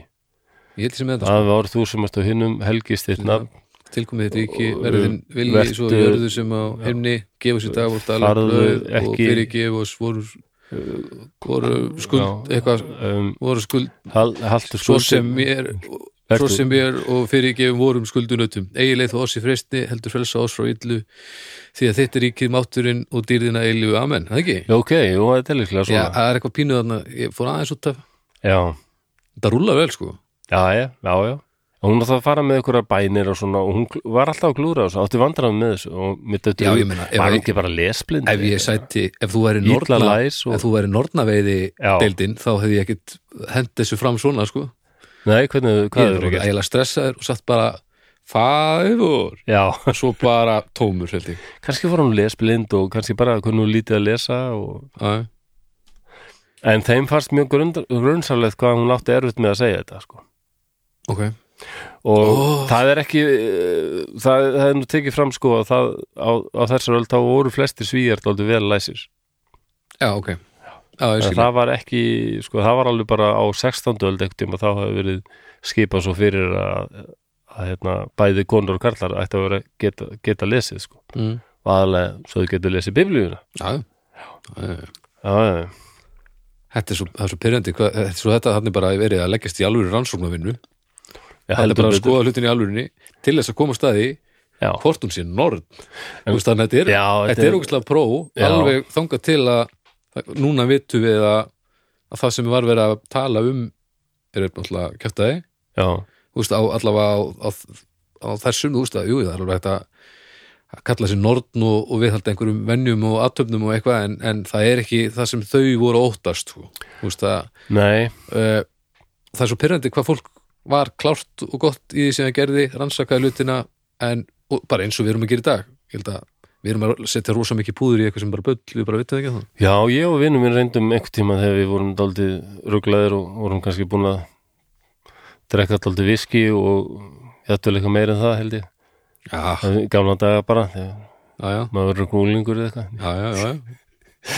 Hvað er reyndir ákvæmlega satan? já, já, við reyndum ákvæmlega satan við sem Nei. sagt gerðum svona pentagram og settum kerti á hvert, hor- hvert, hvern arma já, og, og það þetta ge- satan er sökkar fyrir kertum. Ég, ég held að Já. ég var svo spenntur að býða til um þetta að kertin myndi verða svona blá af Já. því að þegar satan er komin þá verður eldur í blár. Já, já, það gerist ekki neitt. Það var alveg, við settum okkur að drungalega músík held ég, Nú, Diamondu Galas eða Swans eða eitthvað. Heldum að Satan myndi fíla það nei, leti ekki sjá sig sko. voru, voru að leifa satan að heyra lög Jú, en svona lög sem við heldum hann hefði kannski átt eitthvað þátt í að búa til það, því að Gunnar Þorstensson hérna í krossun var þá alltaf í útvarpinu og útvarp Omega og tala um sko, ég man að einhvern mann hlustaði á út, útvarp Omega og þá var Gunnar Þorstensson að þrumu ræðu sko. já, það er bara verið 90 eitthvað og þá var hann að tala um sko það er vandamál í skólanum. Já, börnin vil ekki mæta Mm. sína engu áhuga. Nei, og, og það eru kallaði til sálfræðingar. Já, og það eru kallaði til félagsáðgjafar og félagsfræðingar. Og þeir hafa ekki svörin, enginn hefur svörin. Nei fræðingar, Nei. úafræðingar og foreldrarnir ekki. Nei, en svarið er að finna inn í herberginum hjónlingnum upp á vegg. Hvað er upp á vegg hjónlingnum Guns N' Roses. Já. Akkurat. Já, hann er svona eini svona alvöru svona, já bara televangelisti sem við átt sko, það var ekkert að skafa utan að því sko. Guns N' Roses, djöfla tákn. Já, helvítis Axel. Já, já, hann fór að hann hætta þessu gargi. hann var með þetta sko. Já, ég held líka, en Satan, ég held að hann sé bara svona rush típa eða eitthvað. Vinnum minn bjóum mitt í sama húsi og Gunnar og við vorum stundum að gera ykkur músík þar og hittum hann stundum. Já, það var bara resko, já það er að gera músík. Ég man ég spurði hann eins og já, þetta er nú eða svona daldið þungarokk er það ekki, það er nú ekki þú ert ekki rifin að því það? Jú, jú, þetta er allt mjög gott sko, ok, já, já, það er ekki tónlistarstefnan sem slík það já. Eru bara sumir sem eru fara villu vegar. Þannig að sumir þungarokk stræper til dæmis Kristinn já, þungar já, akkurat. gátt plötuna To Hell with the Devil. To hell with the devil! Já, bara alveg skemmtilegt band sko. Five and Frenzy sem er svona ska punkrock band sem ég hlustaði svolítið á. Já, heyrur mikið, mikið kristið. Já, frábært band sko. Punkband, Kristi punkband. Já, ska, svona ska punk já, sko. já, og, og lögin ógeðslega skemmtilega en, en mjög, ég, ég svo það köflum sko. Og hlustundu veit ekki ska er, þá er alveg bara reggi eins og þessi spilað á tvöföldur já, reggi eða honum sett já, reggi að flýta sér. Já, og mjög skemmtilegt, mjög hressilegt gítarinn alltaf svona taka, taka, taka, taka da, da, da, da já, eh, hvar voru við? útskýrði þetta ekki vel. Já, en Marja Eiristóttir já, og svo var hún byggðin að lýsa því þegar mammenar var að fara með hana til að hitta Satan í blokkhúla já, og það, já, og svo það voru líka hérna, og það voru líka hérna tíu ára gammal strákur sem Mattias og, og sjö ára gömul Margrét. Þau sögðu líka að Malin hefði sko hreinlega rænt þeim bara og farið með þau til blokkhúla og þetta þau hljómar sögðu eins og Marja að segja sannleikan þetta hljómar eins og brjála vísindum hafi sem sagt blandað saman rúkóla og blómkáli og sér fór nú búið til nýtt, alveg nýtt græmiti Mér finnst þetta minna svo mikið á Dracula Count Blackula. Já, já. en já, fyrir ekki og það var kona sem bara vitni og sagði að Malin hefði rænt börnunum hennar sem hvort það voru þessi tvö þarna, tíu ára og sjö ára mm. er ekki vissum. En hún sagði að hún hefði rænt þeim og farið með börnin hennar til Satans 16 sinnum. Ha, en svo týndi hún börnunum að því að hún fór í eitthvað spil við aðra konu, aðra nord mamman, eða nei Malin. Malin, já, ok. Þetta, er bara alltaf ruglingslegt sko. ok, það er svo mikið af nöfnum þarna og fullt af liði sko, sem var ágert og fullt af liði sem var að bera vitni. Ok. Þannig að það er auðvitað að ruglast í þessu. Þannig að hún fór í spil? Já og að, við aðra nord og, og hérna, og, hérna laðið fram börnin sko, og, og Já. hún tapaði þeim í spilum. Hvað voru nortnir að spila í Svíþjóð þarna? Ég, ég, þetta, veit ekki hvað Uno. er. Satansbókar? Norna Uno. Og já, Helsen Helsen eða breyti ljósara. Eitthvað já. Já og ekki nóg með það heldur sko meiri segja báruð þarna vitni nokkuð börn og sögðu að að Malin hefði rænt þeim marg oft þrátt fyrir að hún væri ennþá í fangelsi sko af því að hún var náttúrulega norn og gætt bara Já. gert og, na, og hún bæði sem sagt þessi að konan sem gerðrúður mm Mattsdóttir -hmm. og börnin hennar hefðu lendi í malin og, og Geirþrúður sagðist að var séð sko börnin hennar fá svona köst þegar, þegar malin var að senda einhverja galdra á þau sko Já, frá fangelsun þetta er svo, já, náttúrulega fyrir okkur dag að heyra þetta, sko, en þetta var tekið alvarlega, bara, það voru bara lærðir menn já, já. sem voru að hlusta á þetta og rannsaka þetta, þetta var mikil hræðsla í samfélaginu við þetta.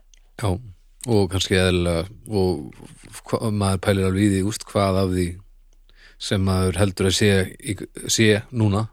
Já. er bara bull, þú veist, það er alltaf þessi pæling Já, veistu, ég bara, ef, ég, ég reyndi að kalla hann satan, það gekk ekki, en ég trú ekki beint að hann sé til, sko.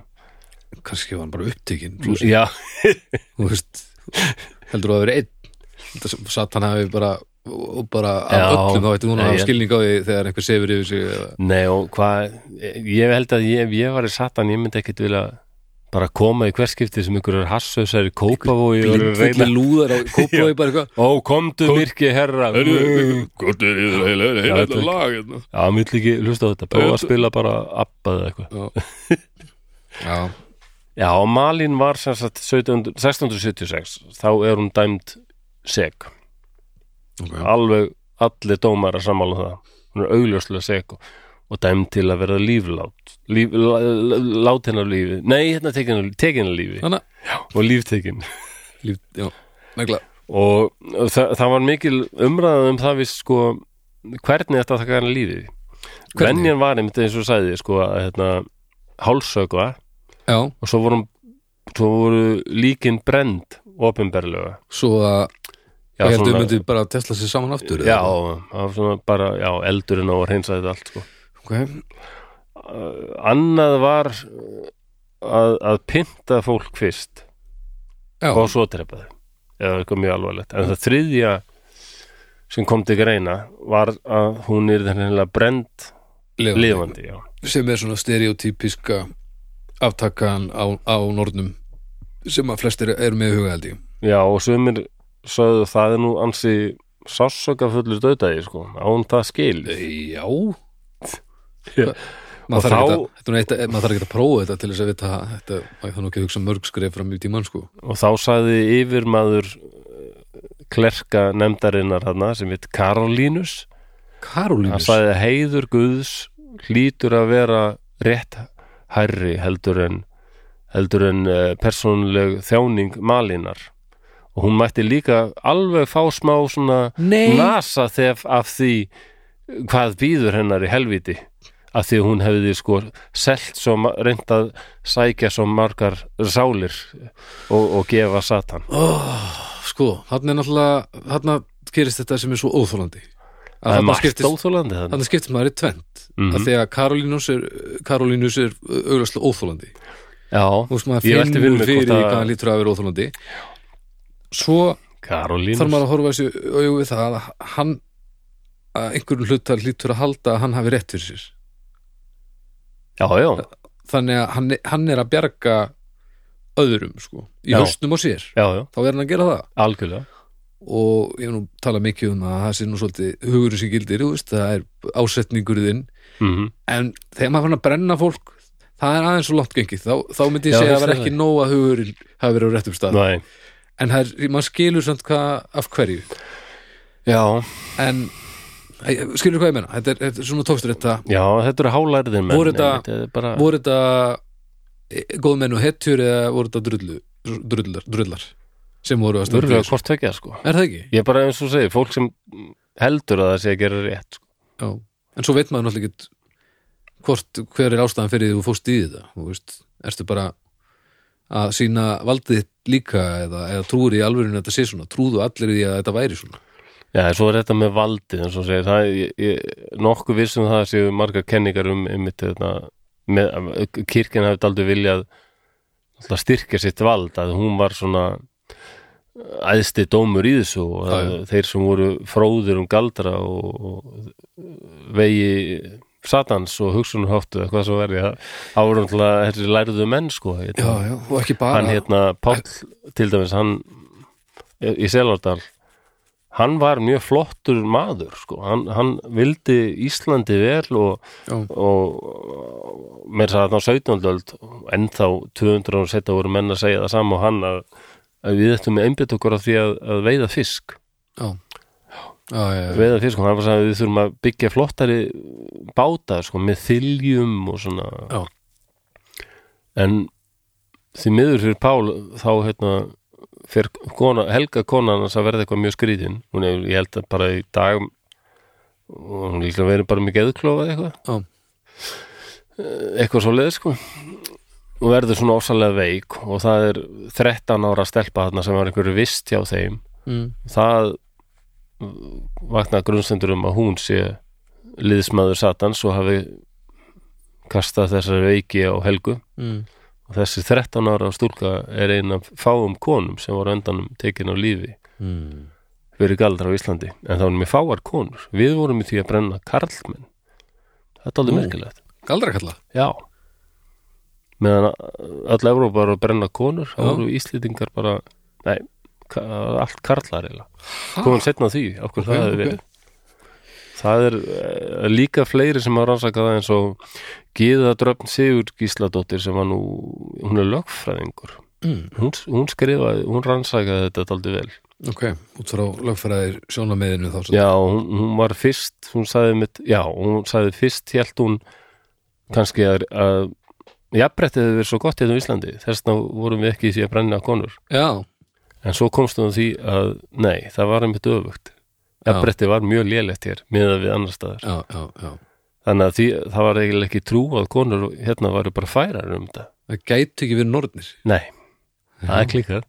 En koma aðeins að því veit að, Malin, þetta er daldið frækt mál í Svíþáð hún er eina konan af þessum 300 Já. sem hún tekinn lífi sem var brend, brend hérna lifandi. Ok, Já, þetta þótti svo alvarlegt sko. Og ég held að það hafi örglega haft eitthvað að segja hvernig hún hegðaði sér í réttarhöldunum. Hún a, alltaf með sko bar höfuðið hátt. Mm, og uh, því að hún hafi verið með svona virðuleik mm og hugreiki ok. Og bara daldið svona eins og hún segir fokkju, hún var bara reið út í þetta fólk og, kon, og dætur sínar. Já, og hún var beðin um sko að, að taka í hönd dóttur sinnar og, og öðlast frið Mm. og fyrirgefa og taka á móti fyrirgefningu og hérna hún bara nei. Nei, og hún virtist e- alltaf óhrætt sko. Já, já. Og hérna meira segja sko bö, bö- böðullin eða hérna böðla, böðul, böðlanemdin Böðlanefndin. Sem var, já, Já. sem var spá í hvernig þetta taka hann lífi listinni sem alveg sérstaklega- Blokkuli Já, böðlarnir höfum þá tekið marga af lífi og, og séð ímislegt og yfir, yfirleitt var fólk renjandi og bara Já, byggjandum væð, ekki malin. Bara, bara, fuck you maður. bara og böðurinn sagði hérna að hún hefur bara verið alveg sallaróleg. Já, þegar hún gekk hérna að bruna að bálkestinum. Já, Og hérna- og rétti fram hérna hendurnar þarfti ekki að binda mig hérna eitthvað? Það gjör svo Já. vel og uh, þá var nú ákveðið hérna þeir ákveðið, já, hún er að hegða sér svo vel ef ekki að já, við skulum gera þetta þannig að hún degi nú aðeins fljótar en vanalega. Þannig að það var einhver póki settur um hálsinn á henni sem fullur af púðri. Svo myndi nú degi kannski daldi hratt eða kveitnaði púðrin og allt myndi bara springa þetta er svo klikka Góðverk dagsinn já, ha, já, já. Bara púðurpóki Já, við, við setjum á hana púðurpoka. Já, um Ætli að hún er svo töff. Djöfull er þetta súrt. Og prestarnir skipu, sögðu hennar sko Þú hefur síðasta sen sérna Viðurkendur syndiðinnar En það var alltaf verið að fara Og hún kálinni. svaraði bara nei. Nei, Ég bara geri það ekki því ég er saklaus. Mér finnst, eitthvað það, Ég veit bara- ekki hvort, kannski voru hún drullahæli En mér finnst eitthvað töffuð þetta sko. Já, við veitum allavega hún var ekki norð Og dóttir hennar, um bara þegar var verið að fara kveiki Já. Dóttir hennar kallaði bara Please mamma, ég menna Hún sagði örugglega ekki please samt, ég held ekki. Please, please mamma. Viðurkendu glæpiðina svo að Guð getur nú fyrirgefið þér og þá hún hafi öskrað á hann að allt þú kjafti maður. Bara þegið þú þetta og megið þú bara megið djöfullin taka þess á hann og megið þú bara vera bölvuð um alla eilíð ok. Já, Já, ég meina ef einhver tímann þá er þetta alveg staður og stund til að henda ykkur svona fram. Já. Ég get ekki að þið gert, mér finnst eitthvað, eitthvað svona við nord. hana Malin Mattsdóttir Við vitum hún var ekki nord þannig að Já. hafa staðið staðið först á sínu bara þeir í ruglinu og bara nei, það Já, er mjög gott, það er vel gert sko. Og kannski var hún drulluhæli en kannski voru dætur hennar líka ég meina það kom, fór Já, þetta- ímislegt að fór að renna tvær grímur á þess, allar þessar nefndir og þessar klerka setna meir. Þetta er er náttúrulega spurning um, um sko að fólk sé annars vegar náttúrulega bara rottið, já, uh, hrætt uh, upplýsingarnar ekki nægar. Mm Mhm. það er fullt af liðum. Ég held að ha- hafa rosalega fáir held ég verið svona erki úst, þessi bara vondur eða bara góður en, en auðvitað sumir en ég held að þetta hafi bara verið einhver haugur og alls konar sem endaði bara einhver tómitjóni sko. já, já. Þetta er mjög óhugnalegt maður. Já, en þetta, þetta verður eitthvað svona thing hjá, hjá krökkum í Svíþjóð bara alveg bara, þetta, þetta bara já, bara eins og í bandaríkjunum. Já, bara eins og einhverju skór sem kann ég vest allir vilja eiga þá, þá vildu allir bara geta sagt að þau hefðu lent í nornum sko. Já, hver krakkin og fætur öðrum stígur fram og þessi segir Nord, hún reyndi að stela mér. Já, en svo gangaðu of langt blessaði krakkarnir af því að nú Ok. faraðu allt í hún að ákæra hérna til dæmis konu sem hétt hérna Margareta Staffansdóttir Remmer. Ok. Og, og aðra konu sem hétt Maria Sofia de la Gardie ok, Það, þetta, þessar tvær konur voru af yfirstjætt já, já, nó, já. Það var Þetta þetta getur ekki verið. Nei, nú er það að fara að ganga dálítið langt sko. Við trúum því alveg einhver fátæk bóndakelling satans nord auðvitað en ekki fínar frúr í Stokkólmi getur ekki nord komist í yfirstétt Nei, og þá voru sérstaklega tveir af þessum klerkadómurum sem uh, fara að verða dálítið skeptiskir á þetta. Ég um að trúa þessum krökkum alveg bara? Ok, eða hvað viltu gera, þú, þau get ekki logið. Prófum bara að yfirheyra þau á annan hátt. Uh -huh.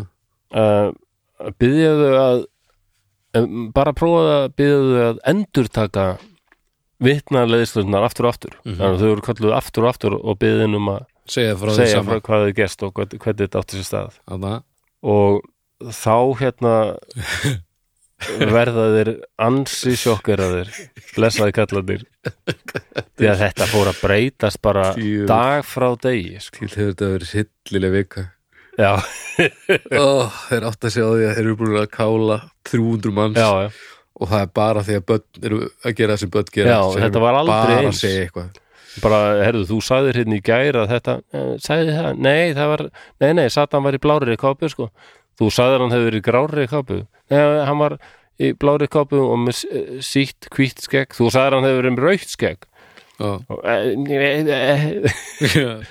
og þá eh, urðu sumir þessum dómurum bara, já, mitt er urðu bara hjálp hvað höfum við gert sko. Jöp, og þetta endaði bara allt í hennu bara, er bara á einu degi þá bara, þetta er búið, við hættir þessu. Vá. Og það var bara sagt bara, þetta er búið, það er búið að drepa allan orðnir tökum ekki við fleiri kvörtunum. Það þýtti ekkit fyrir neitt að koma uh, ég held að mamma segir norðn, já nei, nei, nei, nei múnið það ekki, farið heim. Þetta er ævin hefur þetta hillileg já, þetta er alveg tillingslegt sko. já geflestrákurinn er, er daldið frægur sko, hann var vitni þarna. Ok, og, og hann var Jóhann Jóhannsson. Já. Geflestrákurinn, fættur sem sagt í gefle. Mm. en uh, hann varð hérna, 12 ára gamall var hann orðin hérna, já, þá var hann orðin sem sagt uh, æ, hvað er orfan aftur á íslensku? munaðalýsing Munaða leysingi Mm. því mammans hafði verið tekinn af lífi. Og Ok. pappans var dáin en mammans var tekinn af lífi. Fyrir að vera nord na, já, ok, og hver var aðal vitni í máli mömmu hans? það var jójó. Já, það var jójó. Já, og hún sagði að fór með, hún fór með mig til blokkúla og, og þar var ég, þar var mér mistind og ég var já, notaður kynferðslega og þetta var hryllilegt og allir gretum með auðmíkja geflestráknum já. Þetta er bara eins og bandaríkjunum. Þetta er bara og hann verður ósalega þekkt vitni þarna og allir vildu heyra að hann lýsa frá þessum heimsóknum til blokkúla líka eitthvað svona sensation, þetta er svo spennandi. Satan, eða, bara ennþann það í dag er eitthvað svona, Já, ég meina, ef þú trúir á Satan og svo hittur einhvern sem hefur hitt hann já, nákvæmlega. veist, það er náttúrulega pínu magnað. Og hann, hann, hann, hann nýtur greinilega aðteglunar því ég trú núna að hann hafi líklega verið sko það sem kallaður mythomaniac sem er alveg æðislega orð. Mythomaniac? Já, það að, það er eiginlega bara svona sjúklega þörf já, sem enginn eða líka kalluð og æðislegt svona la, latnest heiti á þessu. Ok. Pseudologia fantastica. Súdolóki þetta er bara að nafna á plötu sko. Já, byrju, já, er og þetta að er bara sko skrátsest sem nokks konar röskun eða bara nána skeðsjúkdómur er þetta þá lega þörf sem- og, og, snýst þetta ekkert um að mála sig þá í einhver svona Jú, eðra ljósi? Jú, jú, akkurat þetta er mythikal einmitt það. dæmi og, þetta, og oft þessar lígar virðast ekki gegna neinu öðru hlutverki en að þetta gera sjálfan þegar okkur rosa fórnalambi um leið hetju. Akkurat, og hann fer að segja sögur þær, þau taka eftir því líka þær fara að breytast og breytast og hann bara elskar að segja frá þessu og vera miðpunktur aðteglinnar mm. uh, og hann, hann verður bara rosa frægur sko. Hvað, ok. já, já, hann- fer að hitta hann bara yfir, fólk í yfirstitt og bara háttsett fólk og segja frá þessu og allir bara, "Hó, já, er það auðming er drengur, ó og hann, og, hann er er að fara að líta á hann sem bara algjöran sérfræðing í nornum og, og já, og menna, 12-13 ára strákur. Djöfull hann. Djöfull múin að koma sér vel fyrir þarna. Já, já. og hann átti til líka að sko að, hann var að segja frá allt innu bara fór hann allur að hristast og skjálfa talaði tungum og hrundi í gólfið. Ó, og fólk hérna, hvað er að? Það voru nornir að ráðast á mig, ég fann það. Það voru, það voru senda upp í galdra. Ó nei! Ok, er úr þólandi maður. Já og svo bara, hann verður svona frægur sko. hann er bara Justin Bieber sinns tíma. Já, nema Justin Bieber, hann getur gert alls konar sko. já, já, það er rétt sko. En, en þessi getur svo ekki koma neitt fleiri, gert. fleiri krakkar sem vilja vera frægir eins og geflega strákurinn og fara að segja svona sögur sko. ó, þetta er bara Snapchat já, og fóreldarnir já, ná, þetta er Snapchat og fóreldarnir verður rosalega hrættir og það verður bara svona er Snapchat uh, til? svona hystería sem grípur um sig sko. Er Snapchat ennþá til? já, það er ennþá til Ok. ég, held að, ég veit ekki hver er notað það samt ég notað það ekki lengur já, ég, já, en, já, ég meina, en það er ekkert óðurlegt að ungt fólk sjáu einhvern uh, ná aðteglinni að þú viljir gera það sama, ég meina, þetta er bara já. þetta er bara að segja eins að En svo, já, ég minnst líklegt að hann hafi verið eitthvað eitthvað að þessum blessaða strák, sko, því að endanum er hann búin að missa sig eitthvað svo rosalega þessar fræð mm. að, að það er fara að spyrja hann aftur og aftur, sko segðu frá þessu, hvað hvernig var gerist, þetta segir þarna með hérna Satan Já, einmitt. í, í, í blúkkóla Já og allt í nú segir hann sko hérna, já, ég verð bara viðkjöna það það var ekki Nord sem rændi mér og, og tveimur öðrum stelpum það var ég sem gerði það bara, ha? Já. það var nefnilega þess að andi mömmu Nordnarinnar sem hafði tekin að lífi, andi minnar hún, fjall, hún, hún fór í mig að hann var alveg búin að missa sig í líginni sko. og ég varð hálfgerð Nord og ég gætt breytt mig nei, í Nord, kvenn Nord og, og tók börn til blokkjúla sjálfur. Þegiðu þegiðu, jú, jú, Jú. jú, þegiðu. Og hvað gerist? Já, það er ekki nógu gott. Nei, þá ert þú þá ert þú, þá ert þú náttúrulega bara segur og hún virðist það að vera alveg sama. Af því að hann, þá var hann ennþá meira Senn, miðpunktur aðteglunar ok. Þetta er bara krakki. En var þetta ekki aftaka? Úst, var, var hann tekin að lífið þá? já, Hvað? hann var dæmdur og, og hann, ok. var, hann var dæmdur og brendur hann var reyndar hálsöngun fyrst en svo brendur eins og Ok. eins og, eins og hérna Nord sko. Ok, nú er ég ekki vissum að hann hafi verið jafn óþólandi og ég held að hann væri af því að ef hann er þetta mikið ólinn þá er hann ekki bara eitthvað Það telja margir að þarna hafið hugsað bara við þurfum bara að losna við hennar strák þetta er ekki hægt hann er úþólandi en, Já, en svo svona wow einhver óþólandi krakki, svona sjónvarsseríu sem bara, ofta einhverju svona krakkar sem verða alveg gjössal óþólandi einhverjum seríum. já, en Strákurinn hann í The Walking Dead, hann var ofsalega óvinsæll já, og hann var bara orðin svo ókesslega óvinsæll að ég held að framlöndu þóttan voru bara orðin hrættir um leikarann sko. já, ok þannig að hann hann var að fara að skrifa hann, hann setni þáttum, hann var hann orðin bara mjög fýtt sko. já, ekki, svona aðeins að gefa hann breyk Já, já, svo að vampíru þættinu The Strain sem ég fannst nú skemmtilegir. Ok þekki þar var líka strákur sem var alveg úþólandi já, að því að hann skildi ekki okkur pappin væri að berjast við mömmuna og slást við hana. Láta hann í friði, þetta er mamma. Þráttur að mamma svo væri svo augljóslega orðin viðbjóslega vampýra sem hérna, já, skaut út úr sér einhverjum svona fálmurum til að reyna að ná taki á hálsi fólks og ég meina, við eigum öll slæma daga sko. maður svona, hvað er að þér að krakka? Helvíti. Þetta ekki verið hjá pappaðinum sem er með hausinn í lægi sem er ekki með fólmara og Já. bara frekar slagur já, já, það er kannski leiðilega að segja þetta afsakið. hann var drepin, já. Þetta, Já, er, þetta er svolítið merkileg saga. Já, og þetta er malgjur meina að þetta byrjaði með þessum geflega strák sko.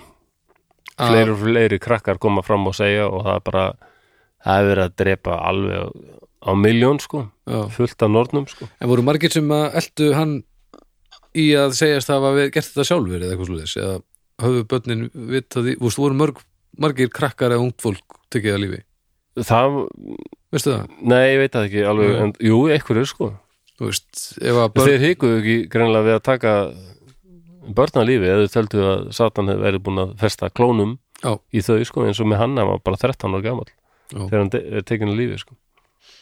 Já, 12 að 13, ég manna ekki alveg. Já, þetta er flókið maður. Og hann var líka spurður í réttarhaldunum veistu hvernig djöfullin er að taka? Það var hann sem mikil sérfræðingur. Já. Menna, ekki nómið það að hann hafði verið tekinn sjálfur til blokkula heldur komið ljósa, hann var sjálfur nord sko, já, að já, þegar andi mömmu hans hafði farið í hann og bara sem þau verum brjála brjálu réttar var á ekki að hlæða þessu. Í- þetta er bara svo sturlað, Já, maður getur ekki annað en bara stundur með það fyrstu viðbröðin sko. ég, meina sjálfsög þarf að hlæða þessu þetta er svona hræðilegt og bara svo skrítið sko. já, já, hann var spurður hvernig, hvernig er Satan að taka þessu? Og hann sagði að hann er, hann er stressaður sko.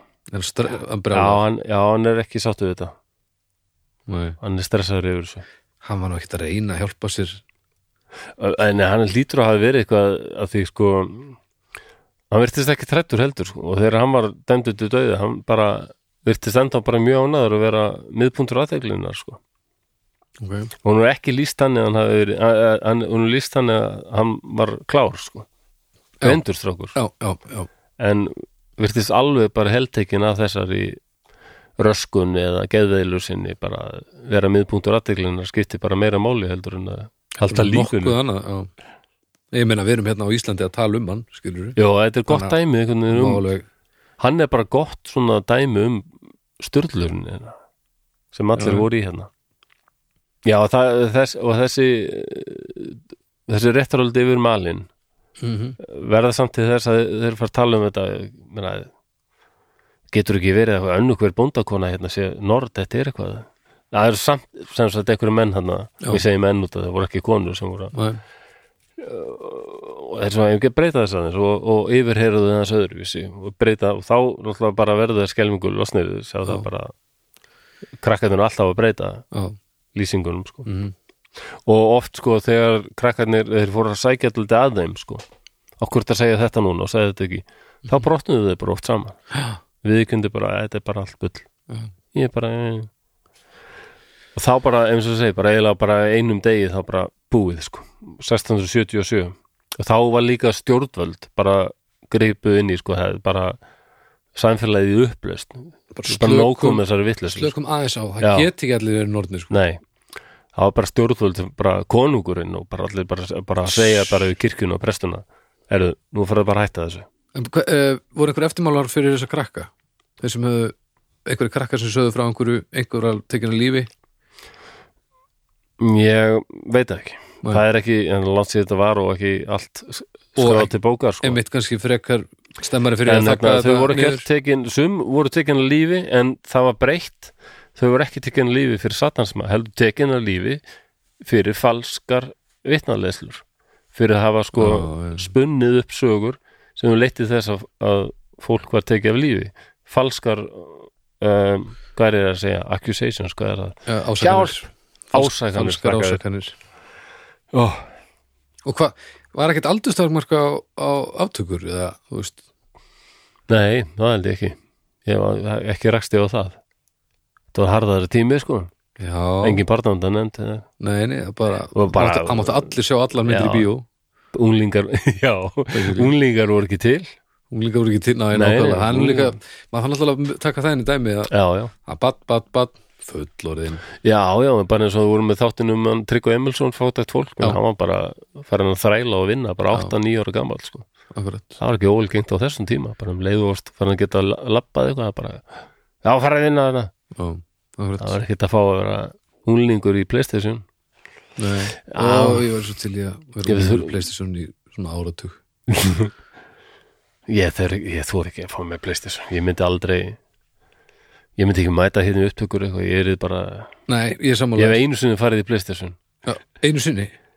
Já, það var líka nokkri sólaringar það var þegar þarna Já, alveg rétt, þú sagði mig frá þessu. Já. Já. það En var bara ég, eitt leikur sem ég spilaði það var bara, já þegar ég var að passa kísurnar þá bjó hörður sonu minn hjá mömmu sinni og þau áttu tvær kísur og þau voru að fara til bandaríkjana eða eitthvað held ég. Mm, og þá var ég, ég var bara að horfa á myndir í tölvunum minni, ég átti ekki neitt sjónvarp. Og, og hörður segir, þú máttu bara koma hérna og bara horfa á myndir. Hérna, þau áttu svona, já, fínt og stórst sjónvarp. Já, komdu bara hérna að horfa á myndir og já, við erum með DFT nei, hún átti bara Playstation.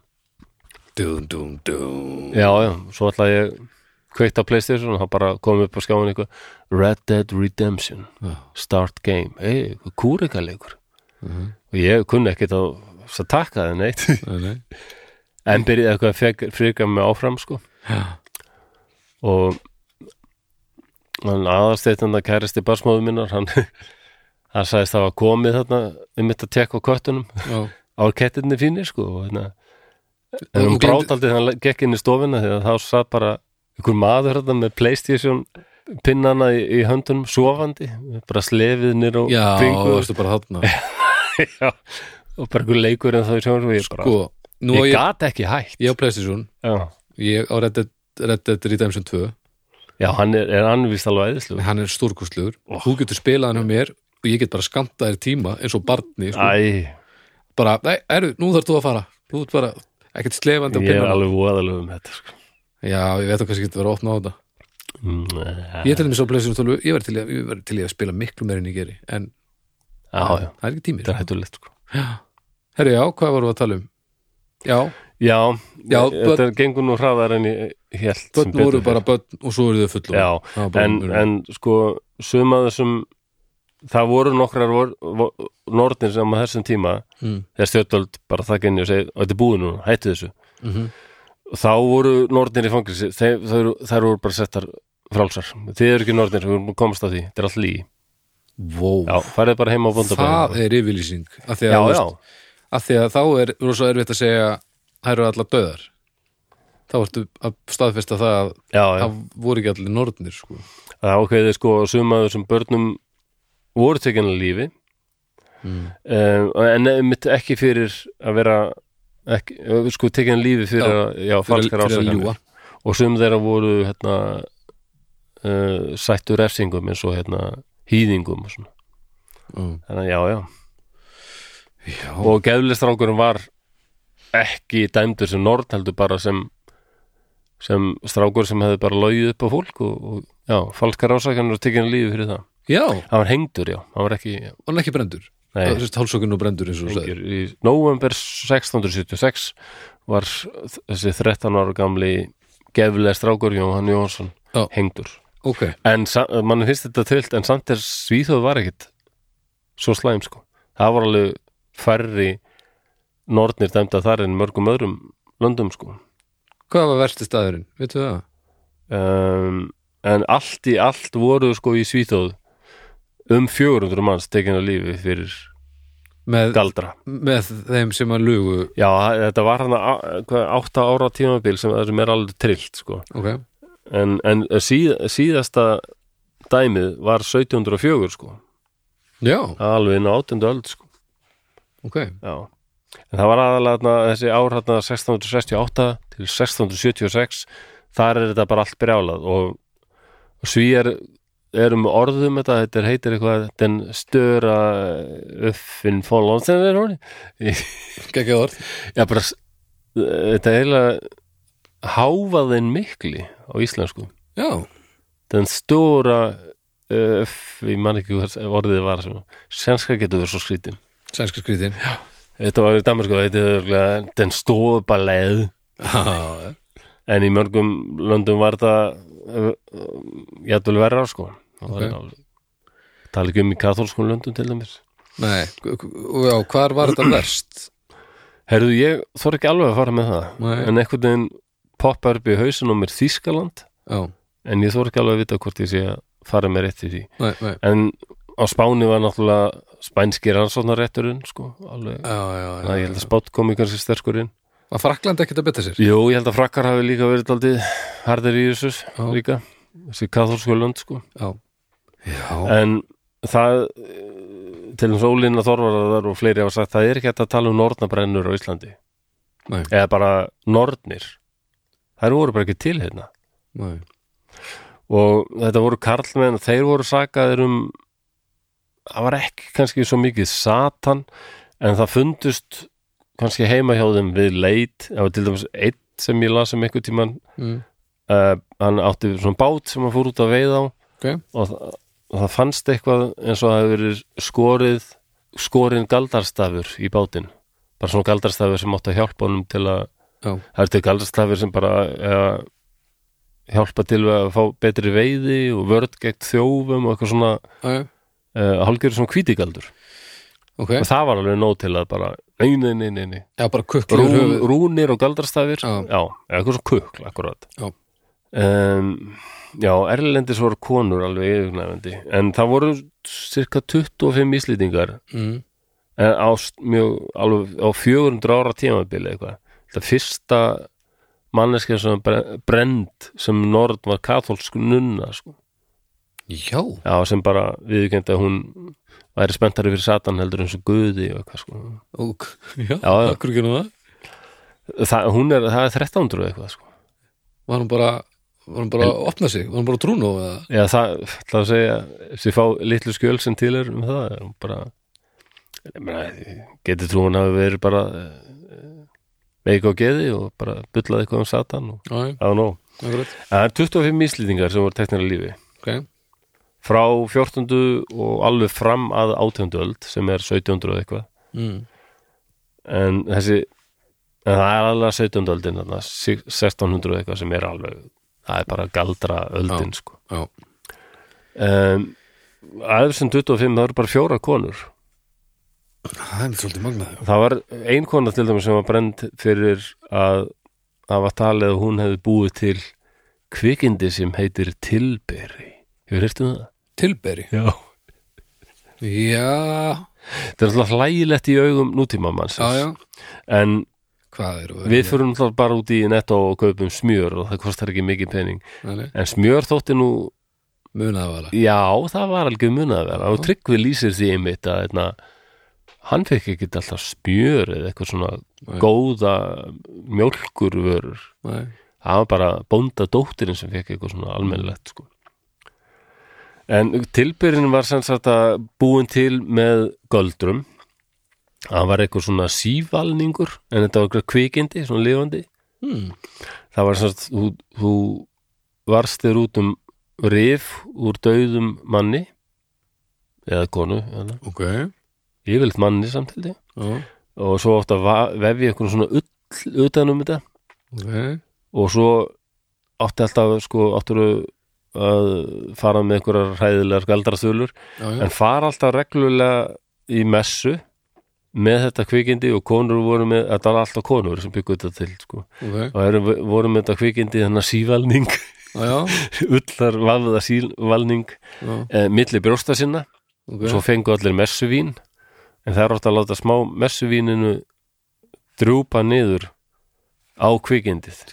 Döfla sér í þetta, ok. Já, þetta er rétt að byrja. Og hvað, hva, hérna og hérna uh, uh, svo þegar tilbyrðin var 100% komin, búin að komin að hlaða sig og var full magnaður já, já, þá var, settu þær tilbyrðan einhvern veginn alveg svona efst í læ, á lærinu ok, á húðina þar já, og hann saug sér þar fastan.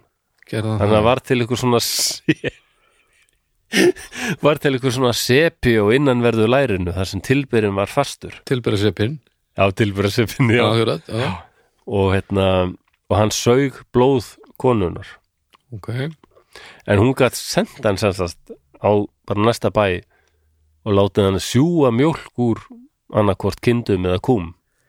Varstu bara búið til mjólkurþjóf? Já, og, og svona sívalningur þá hendist hann svona einhvern veginn. Ding, ding, ding, ding, ding. Hendist um hæður og hóla. Já, já, og, og, og laumaðist undir svona kýr og saug mjólk, mjólk. já, gott Já. ef hann, hérna, nei, hann hendist upp á bakið kunni og þá tegðist úr honum og hann svona festi sig um miðja kuna mm. um bakið og saug sig fastan á speðana og bara saug, saug úr þeim mjólk þannig til hann var, ég veit þetta er- þetta er alveg klíka og þá var hann bara eins og, eins og lúsmíð þegar að drekka mjólk þá bara fitnar það og, já, minn, og þá var hann svona belglaga og þá rúlar hann aftur heim til galdrakellingarinnar og sagði fullur beli mamma. Ég veit. Þetta er í þjóðsöðu fullur beli mamma. Og þá tók hann og, og leta hann æla öllu í mjólkurtrók þetta var fínasta smjör eða mjólk en það var hægt að Já. komast að því að ef maður fekk eitthvað svona smjör hjá okkur konum að grunnaðan um græsku ef maður skar krossmark í smjörið þá átti það alltaf svona springa í tellur Ó. en já, já, já. hvernig, ok, bara og það strax var kona dæmt fyrir þetta bara, aha já, já, hún var tekin á lífi fyrir að búið til tilbera það eru glæður bara einhverju ólöku kona sem hefur verið með einhvers konar sepa á lærinu Já. eða eitthvað svona en sko, sjáu þið þetta? hvernig til dæmis hvernig er er minna annað. vesen að að Tilbera kynnast, kynnast bara þjófi en að redda sér mannsrifi þú veist, Já, þetta er á náttúrulega þessum tíma reyndar það var náttúrulega alltaf að dreppast alltaf og tilberin náttúrulega hann var ekkert að kæfta neitt en þjófar það er ekkert nei, það er alltaf hætt hann og byður einhvern að stela fyrir því hann bara tilkynnið þig. Já, ekki tilbyrinn nei, ekki hann tilberin tala bara einu sinni og, og það er hérna, hann heim. Þó, og Þórarinn Eldjátt skrifaði skemmtilega sögu sem gerist held ég á stríðsárunum. Og hann leikur sér með þessa þjóðsögu það er langt síðan las þetta. Mm. en þá, ég held að við þess að vera gerð svona stutt sjónvarsmynd upp úr þessu. Þá var já, hver að- leik tilbyrinn? ég held að vera Karl Ágúst Úlfsson. Nei, en þá var þetta sko einhver hermaður í, í hernámsliðinu hérna ok sem alltaf að heimsækja okkur á konu og hann var með dulafullur og skrítinn og, og hétt Mr. Tilbury.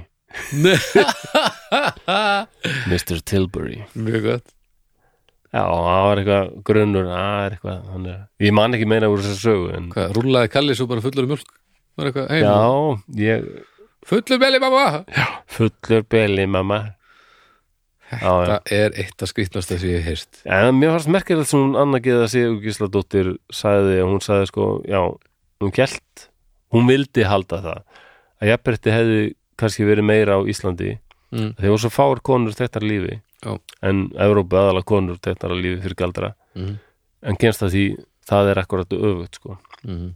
um, þetta fólk sem var tekið að lífi þetta var fólk sem hafði já, eitthvað svona gögn annarkvort einhverja skræður Malleus Maleficarum sem var mjög fræg bók Mm. sem var bara bestseller og allir ok, já, með teikning, viðbjóslegum teikningum af Satan og hans árum og, hérna, ah, ja, ja, ja. og hérna, allir svona lærðin Páll var með þessa bók og hérna, Pálli Selvardal og allir voru já, já, þetta var svona bara eitthvað handrit eitthvað svona handbók bara sem já. var gefin út fyrir þá sem voru djöfla voru svona eins og bræðutin í. Supernatural eldast við svona djöfla og já, já, já, ok. urðu að hafa maliður smík malefikarum að styðja styð já, skilji og hérna, það var alltaf, já, þeir sem kunni eitthvað að lesa og bjóðu einhverju kunnáttu og oft fólk sem kunni eitthvað að lækna. Því að það, það bendir margt til þess að margar það er konur sem kirkjan fílaði ekki þetta voru náttúrulega bara konur sem voru að já, ég meina kunna búið til ykkur jurtaseiði til að já. þjáningar kvenna sem voru að fæða börn og eitthvað svona? Akkurat, þetta var allt bara Það kutt. mátti ekki, konan á að þjást ég menna það stendur í biblíunum, konan á að þjást þegar hún er að fæða barn. Akkurat, Já. það af því út af efu sko. Já. við komum aftur að þessu, Helvíti alveg eins og í þættunum með súfragettunum Já. bara sorry, þarna hefur kristnin kristnin mikið að samvinskunni finnst mér. Já, hvað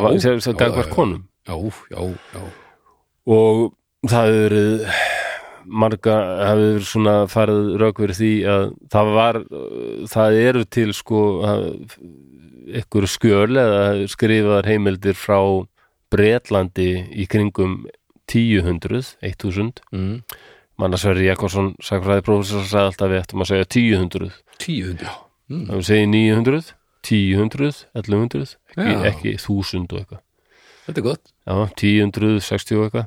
Tíu hundur En þá voru Danir náttúrulega uh, búin að leggja undir sig hluta af Englandi, sko, voru alveg töffarar, sko, já, já, já, vikingarnir, sko. já, En þá var, hvörtuð englendingarnir yfir því að það var alveg bara daldið um það að konur voru bara flýja og bara gangi lið með vikingum, sko. Vildu bara verða norrænar konur og já, finna sér flottan viking sem greitti hár sitt og fór í baði hverju viku og svona. já, já, já, En það er líka að fara rauk fyrir því út af því að þær vissu bara eh, nú, já, nú er ég kannski hlutarægur sem heiðin maður. Já, en vissu bara að konu voru ekkert réttháar karlmönnum en samt meira kannski heldur en því þetta er alltaf í biblíunni bara. Já, þú, framvegir skulu niðjar þínir þjást hefur bera börnin sko. Bara helst ekki, ég vil að fara þangað. Já, þú veist, Já, akkúrat. þetta fullkonlega röggrétt það sem konur gáttu til dæmis skilið við menn sína sko, já, hjá vikingunum og svona. Það, þetta er svona kenningar. Já, um, já, hún vil meina að hún annað geða þetta þeir svona tekna lífið, þetta var fólk af sem gatt lesið og skrifað. Mm. og, og hún færi rauk fyrir því ástæðan fyrir því að það voru bara svo marga kunnur, konur sem kunnið þetta ekki, fengi Nei. ekki til að læra þetta. Já, já, já, já, og hérna þetta var eitthvað, já, þetta var bara eitthvað sem kirkjan var ekki trefin af einhverja konur sem vildu hafa frelsi yfir eigin líka og, Já. eða bara hættulegar hugmyndir sem gáttu, skapast. Skilji um, hún vil meina að það alveg sko og telur sig hafa heimildir fyrir því að á þessum tíma þannig á 17. öld þá hafi sko alveg hátt í 80% af öllum konum í Íslandi verið ólæsar og óskrifandi. Já, ok. Já, og já, en nú segir það er svo skrítið að þetta rosalega ójafnbretti samt bjargaði þeim kannski frá döðanum því að bara trúði enginn. Þessi kettling hérna, kann ekki að lesa og skrifa hún er ekki orð, já, akkurat. veit ekkit hvað satan er. Nei. hún getur ekki verið er Anna Agnarsdóttir sem kendi mér í háskólanum sko. Já. en já, svo bætir Anna Geðar endar við sko að, að þetta hefði oft verið ljósmæður. Konur sem voru að reyna að hjálpa öðrum konum að hafa stjórn á eigin líkama í fæðingum og fóstureyðingum. Nú er ég að vitna bara orðurétt í önnugíslu já, og hún segir hérna að það var talin versta synd í heimi kona sem ætlaði að ráða yfir sínum líkama. Mm, þó það væri bara til dæmis að lína þjáningarnar sko. akkurat. Nei nei, þú ótt að þjást, það er svo fallegt. Einhver maður sem er ósamlegar já, æ, verður það þjást. Þannig að ég, já, ég segi stundum að ég sé þunglindur út af því að ég segi sakfræðingur og Já. ég hef verið glaður hress áður en ég fór að læra sakfræði og komst að því hvað mannkinn saðan er hræðileg. Já, en samt æ, sem, því ég lesum eitthvað sem gerist áður og samanborið í dag já, yfirleitt bara vinnu nútíminn. Já. Já, já, yfirleitt. Það alltaf er alveg- gamla þetta, já, þræla hald og konur mátt ekki kjósa, já, mitt já, og það var verið að mæla hausin á þér til að vita hvort þú væri mögulega þjófur. Já, já, akkurat. Er svona næsistar hérna. Já, jú, þetta er þetta komist þetta er búið að breytta stæði sko. Já, aðeins það mun svona aðal hættan verið í því hvort að séu öll sem vilja bara draga okkur aftur. Já, alltaf svona með þessa þessa Facebook-grúpu sem var nú að- poppa upp hann daginn. Nú, hvað var það? Karlmennsku spjallið, sástu þetta? Nei, ég, heyr, var- ég var í mati í hjá, Því lík hjá með góðu, þá var einmitt hérna verið að tala um það. Því lík djöfla síra sem er Já. gangi þar er það er bara 700 íslenski menn skítrættir við konur nei og telja sér allavega yfir, yfir Já, hafnir sko og svona ok, það er svo sem er miklu púður í að tala um hvað þeirra fór á milli þarna en þetta er bara svona hópur sem leita hvort annan uppi til að klappa sér á bakið svolítið og vera svolítið magnaðir eh, Guðmi, er það eitthvað svona incels eða? hvað segirðu? Incel Incel? Já, incels eru sem sagt sko að fór að vera algengari svona hriðverka glæpir eða bara hryllingsglæpir þar sem eh, karlmenn voru bara að drepa og þetta voru svo karlmenn sem hötuðu konur sko út af því að þeir gátt ekki náðin en á konu að, Já, nei, nei, nei, nei, ég held að þetta sé ekki ekkert, þannig sko. Þetta er bara hópur sem búin að uh, rotta sér saman í svona lindói að þeir get ekki opnberað þetta og þeir eru bara svona að segja hluti sem að þeir vilja heyra sjálfur og allt rosalega einangrað. Og þetta er bara svona, þarna kristallast bara allt fyrir mér sem er að, þannig er bara 700 Já, manns já. sem bara klappa hverjum öðrum á baki fyrir að vera menn og það er ekkert annað sem þú veist, og, og bara rífa niður konur. Það er, og, og þá sem standa með þeim einhvern veginn, þetta er lokaður hópur þetta er lokaður hópur já. og þú verður að geta sanna og sért ekki feministi til þess að komast inn í hún þetta er alls ok. konar bullshit sko. Og þetta er svo það er svo galið að að það sé hægt að taka þátt í svona og ekki sjá að eitthvað sé að. Það Nei, er það sem mér finnst svo skrítið sko. og Bjálkin í augunum Og ég- getur verið stór. Já, þarna, ég var svo reyður yfir í að, að það, það er svona sem við viðhaldum vandamálun og þetta líka, þetta staðfestir náttúrulega að vandamálun er til staðar og svo er þetta viðhaldaði og ég var, ég var svo brjálaður því ég sá þetta. Og hvað hefði gengið þarna á að núna, við, núna verðum við hinir að hætta að þegja og fylgjast með sko. mm. við verðum að hætta því strax og byrja að tala með konum og, og fyrir, ekki fyrir konur en veist, við verðum að fara með þeim all inn í þetta af því þetta er bara þarna, það eru bara svona kreðsur einhverjur að- peppa hvort annan á miljón núna verðum við að hætta að þegja við verðum að tala ægilega mikið um þetta af því að dætur mínar eins og þryggja Mm. eftir e- e- e- eiga þær bara þurfa að díla við þetta fucking helvitis mannaskitt Nei, sittandi djöfu sem sitt eftir 20 ár líka Nákvæmlega og sko út frá þá, þá framtíðar ofbeldismönnum sem er í dag börn sem þurfa ekki að verða mm ofbeldismenn eða ge- gerendur Já, eða já. mengaðir af þessu það er, þetta er náttúrulega á, Mm. á rófið og allt saman en það er alveg tími til að koma í veg fyrir þetta ef við bara fucking gerum eitthvað sko. við verðum nú það bara hjóla í þetta já. helvitis rugg Já, ég held að þetta er alltaf sífjöld barátta. Það er alltaf okkur öll sem vilja bara draga okkur tilbaka sko. og, og, og ég skil að fólk er ósamála ég skil það. En þetta er ekkert spurningum þetta, Nei, er, þarna þetta þú- er ekki að standa vörðum sitt, þetta er mannmónuska sko.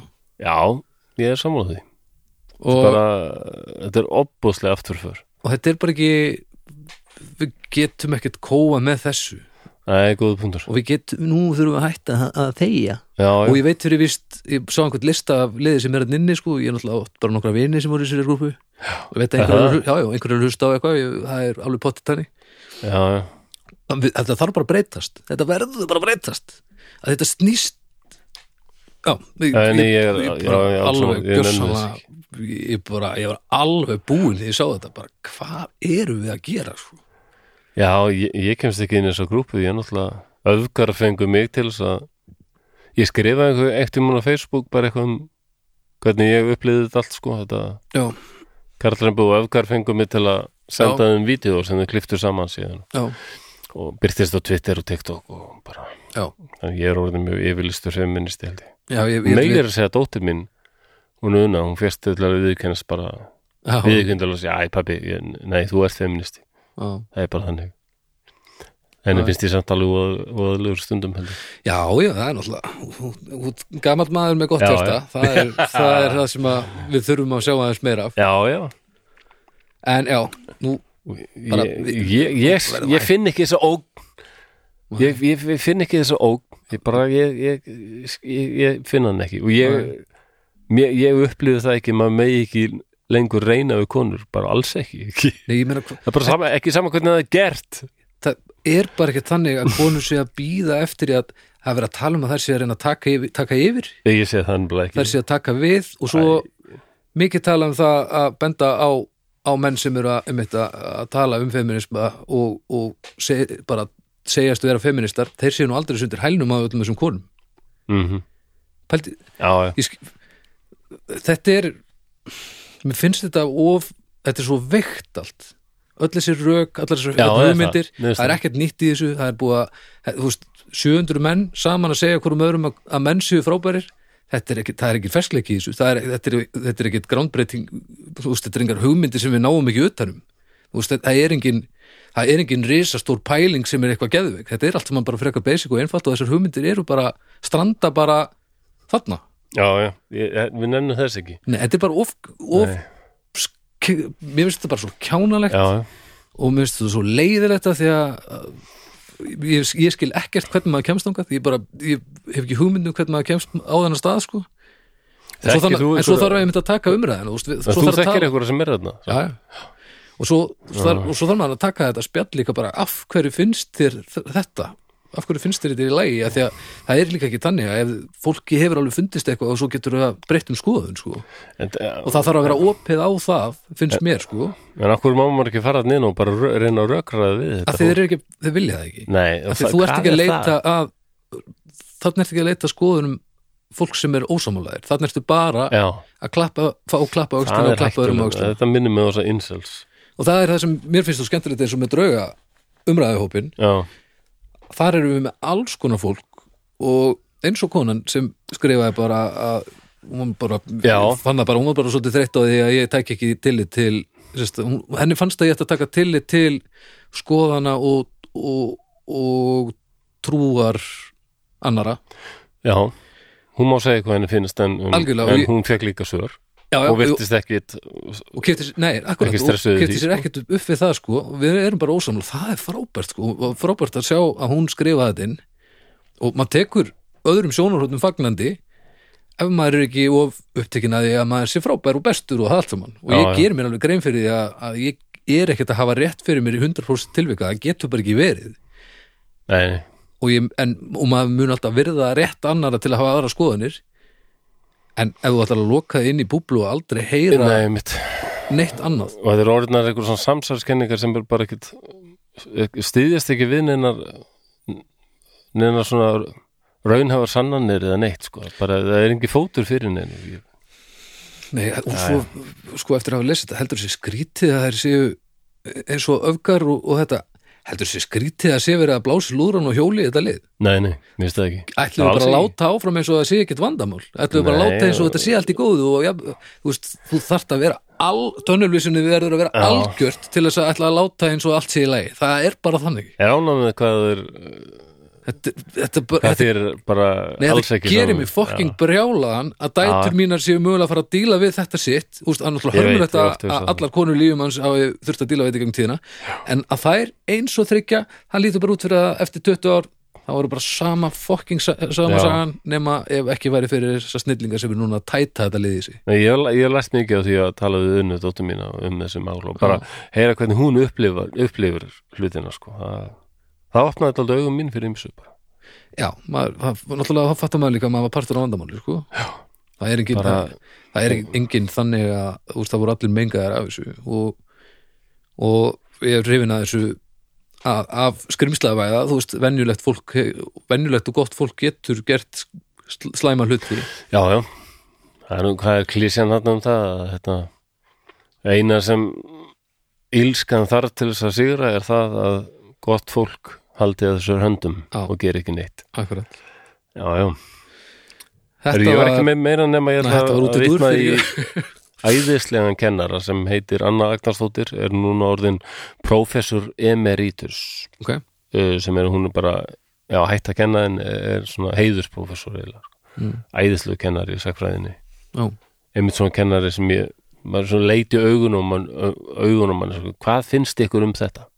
Af hverju var þetta? Mm, og hún spurði mér hún var að spyrja okkur af hverju haldið þið Íslendingar hafi ekki brent konur? Mm, og það voru eins að kenningar. Hún vildi meina hún, ég get alveg trúið því hún sé sammála önnu geðu sé gísladóttur en, en annars sagði líka að náttúrulega það voru engar borgir í Íslandi, það voru, voru ekki eins og þorp, það voru bara bæir. Já, já, já. þessu bara allir byggu saman í hnapp Mhm. og einmitt þessar konur sem kunnu hvorki lesa en skrifa, það voru alltaf kallmenn sem voru að fylgjast með þeim já, já. þær hefðu ekkert tíma eð, þær gátt ekkert verið mynd kukla þegar það var alltaf verið að þræla þeim út eitthvað. Já, já, akkurat. Og hérna, já, taktu að mér hérna vorsklæðin. Gefst bara engin tími fyrir kukklæsa þetta maður. Já, já, en það er það er sjómasmynd sem var gerð fyrir mörgum árum, 85 eða eitthvað.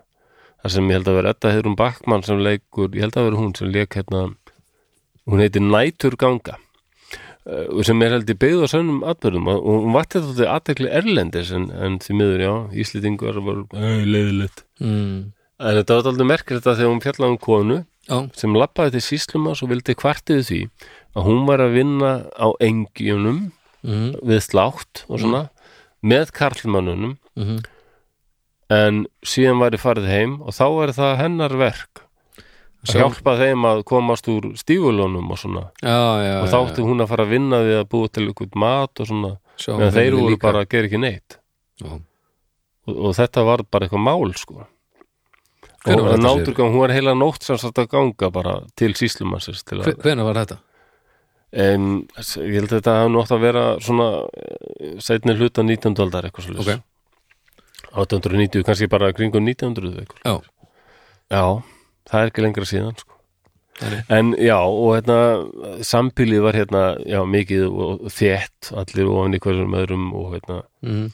þeir, eh, þetta voru svona karl, já, karlmenn sem oft byggu einir sem voru kannski dæmdir sko, já, ásækaður um hérna, já, hann hérna sem býr hérna lengst inn í dalnum, hann er nú eitthvað sítinn og já, já, já, já, nákvæmlega. Það er einn kenningi, við mjögstu alveg eitthvað til í því. Já, er Samfélagsgerðin var all, uh, þetta er alltaf, þetta stórmerkileg tölfræði. Já, ferl, ef þetta er rétt sem Anna Kiða segir, já, næri 80% hvernig bara kunni ekki að lesa en skrifa. Það er svakalegt sko. Ég, ég, ég man því miður ekki en einhvern tímann las ég um það til dæmis að það tekið sem dæmi ykkur kona sem hún bara kendi sjálfur sér að skrifa með því að æfa sig í sandinum í fjörunni fór Já. þangað og var að skrifa stafina. Já, því að hún ekki mátt hún æfa sig heima nei, nei, nei, ég skil já, já. Já, það er mjög fallegt að heyra út að, um þetta hugsa um dætur þínar. Ég meina allir er eigingar dætur þessi kallar hérna í jú, hópnum. fullt af fullt af ég, ég, já, ég get ekki skilið þetta. Nei, við erum sérst auðingjar í augum þessar já, við erum veiklundað við erum uh, undir hæl hvernþjóðarinnar og uh, það er allir taka við podcastinu. Okkur er, ítt tíðan út og, og hinga að koma auka konur og, og segja okkur allt um klofið á sér og, og af hverju er með að hafa hár út um allt. Þetta er það sem að þetta er bara það sem að þessi menn er að tala um. Þetta er bara það sem koma skal. Ég, hvað, ég get, hvað á maður að gera? Þú veist, raka hárið undan höndunum. Ég oft hugsa um að gera það. Já já, já, en ég meina ég held að fyrst bara sjálfur sko, bara kallmenn fara að gera það. Ég held ég verði allavega að byrja því að heyra í, í nokkrum mönnum sem voru á þessum lista og bara sjá hvað þeir segja sko, bara af hverju finnst þér þetta sko? Já, nei, fi- finn, fyrir að fyrst og náttúrulega finnst þér þetta það getur vel verið að einhverju séu líka bara forvitnir en, en mér finnst þetta, finnst þetta, af hverju finnst þér þetta og, mér finnst þetta hugleysi að þetta lokaðan hóp. Mér finnst þetta bara hugleysi já, hvað er að, en viltu já, bara vera með einhverjum jábræðurum hérna, ekki bara einhverja já, já þetta, heilbrið skoðana skipti og svona og Jú, en- rökræður, nei, nei. þetta er þið náttúrulega aldrei það sko, þetta er aldrei neitt heilbrygt á neitt móta nei, nei, nei, ekki þannig en þú veist hvað ég við já, ég veit nákvæmlega hvað þetta er og þetta er bara en þú veist, það sýnir þörfina. Það sýnir að það er ekki, þú veist, það er ekki hægt að hafa þetta nei. þú veist að þetta er ekki allavega Æ, En já, ég held ég verið að ringja í nokkra sem uh, og er í, í þessum hópu og bara, bara svona Já. hva, hvað finnst þér þetta og, og hvað finnst þér í alvörinni og af hverju og, og eiga spjallið bara? Já, já, af því að þetta þarf ekki þetta, þetta, ég upplýtti allavega ekki alls ekki, alls ekki, alls ekki eins og þú sko. En við sjáum hvað setur. Þetta allavega draf með innan hérna í fyrirlega já, ég, ég skilja vel sko Þetta er ekki hægt sko.